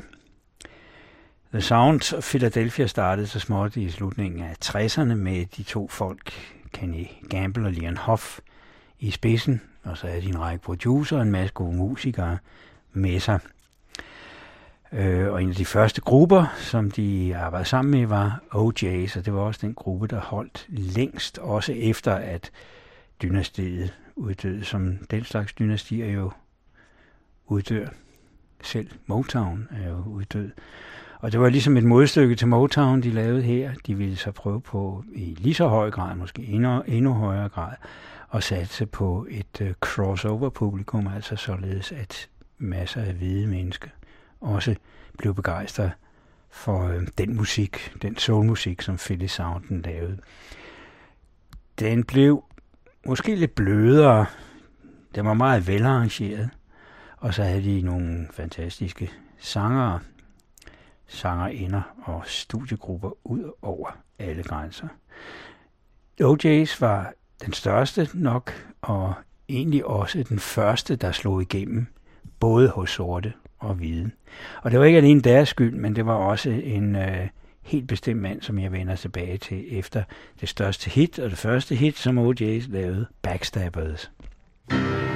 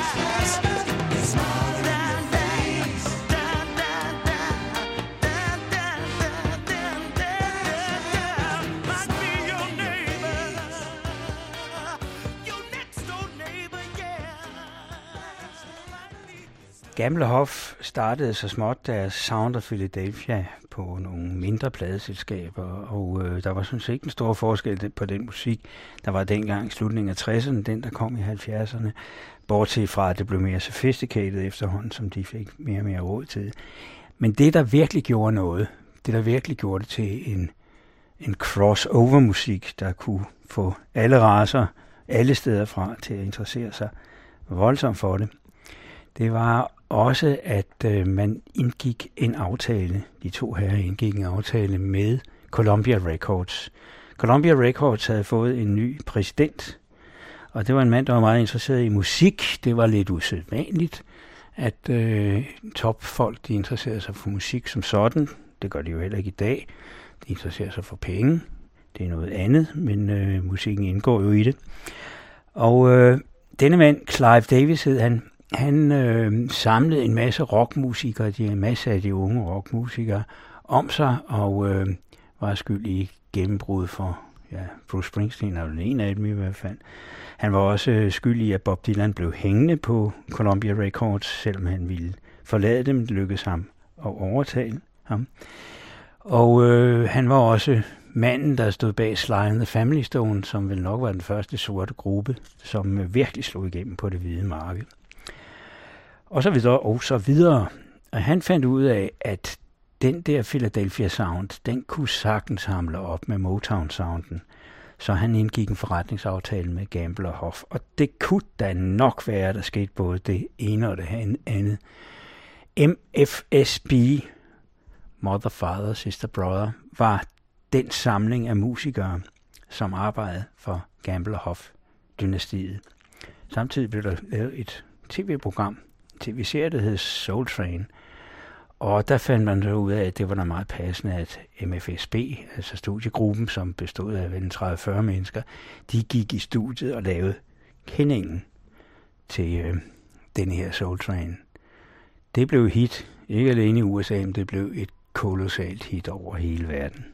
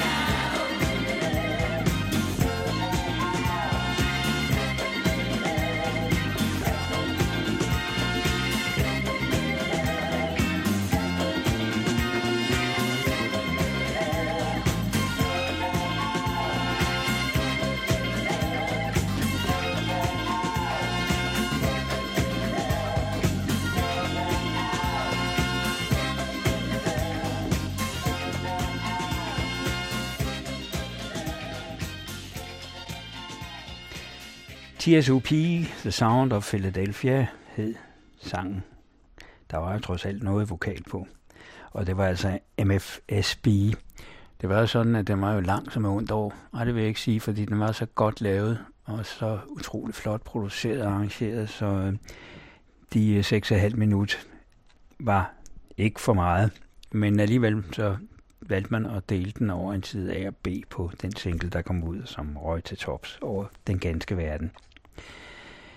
Det var en ordentlig forsamling af musikere, og vokalisterne, vokalen tilhørte trioen The Three Degrees, sådan en slags øh, Philadelphias svar på The Supremes. De havde eksisteret i temmelig mange år, siden 1965, da de kom med her. Men det var deres første store hit. De fik dog lov til at lave et enkelt stort hit til, inden de ligesom forsvandt ud i ingenting, havde jeg sagt. The Three Degrees og deres store hit fra 1974, When Will I See You Again? When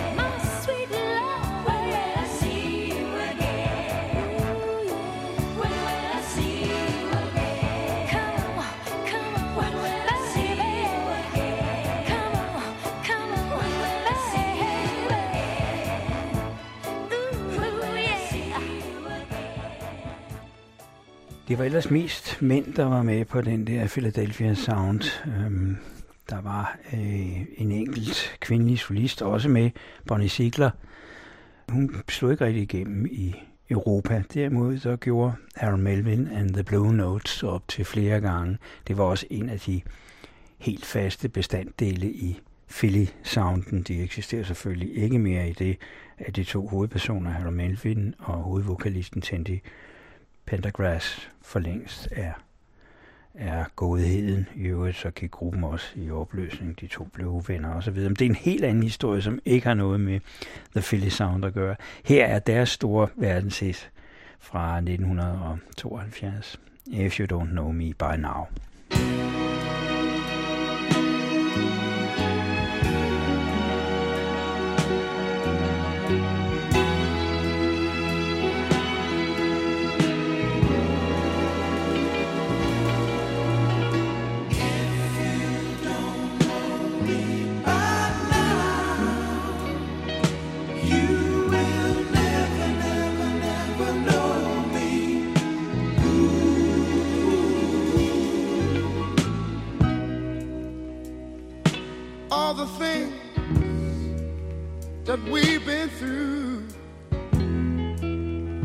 should understand me like I understand you. Now, baby, I know the difference between right and wrong. I ain't gonna do nothing to upset our happy home.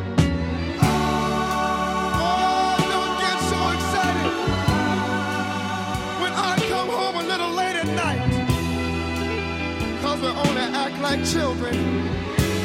When we argue, fuss, and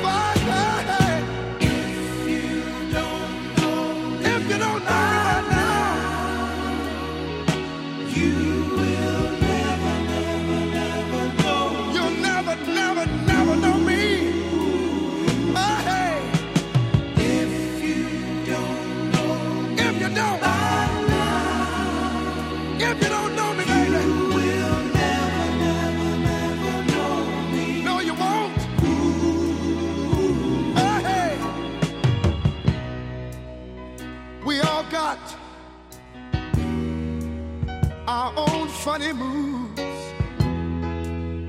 I've got mine. Woman, you got yours too. Just trust in me like I trust in you. As long as we've been together, that should be so easy to do. Just get yourself together.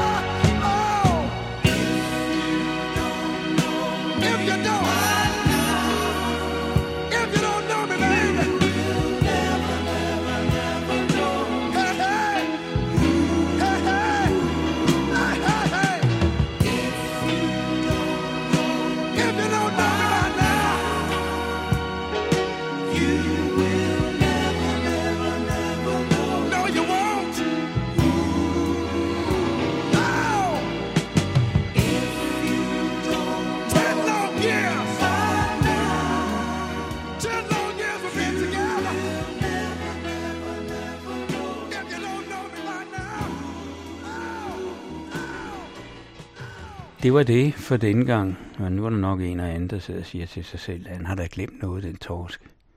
Det har jeg sikkert, jeg har sikkert glemt meget, fordi det var jo en periode på en 5-6 år, hvor de var helt på toppen. Og der er i hvert fald en, jeg har glemt, fordi øhm, han var skyld i, at jeg overhovedet kom i tanke om det der med fællesavnen og begyndte at kigge lidt nærmere på det. Så kan lytterne jo selv gætte, hvem det kan have været. Jeg starter med ham næste gang, så det var ikke så længe, før jeg kommer igen. Hej. I hørte Erik Kramshøj.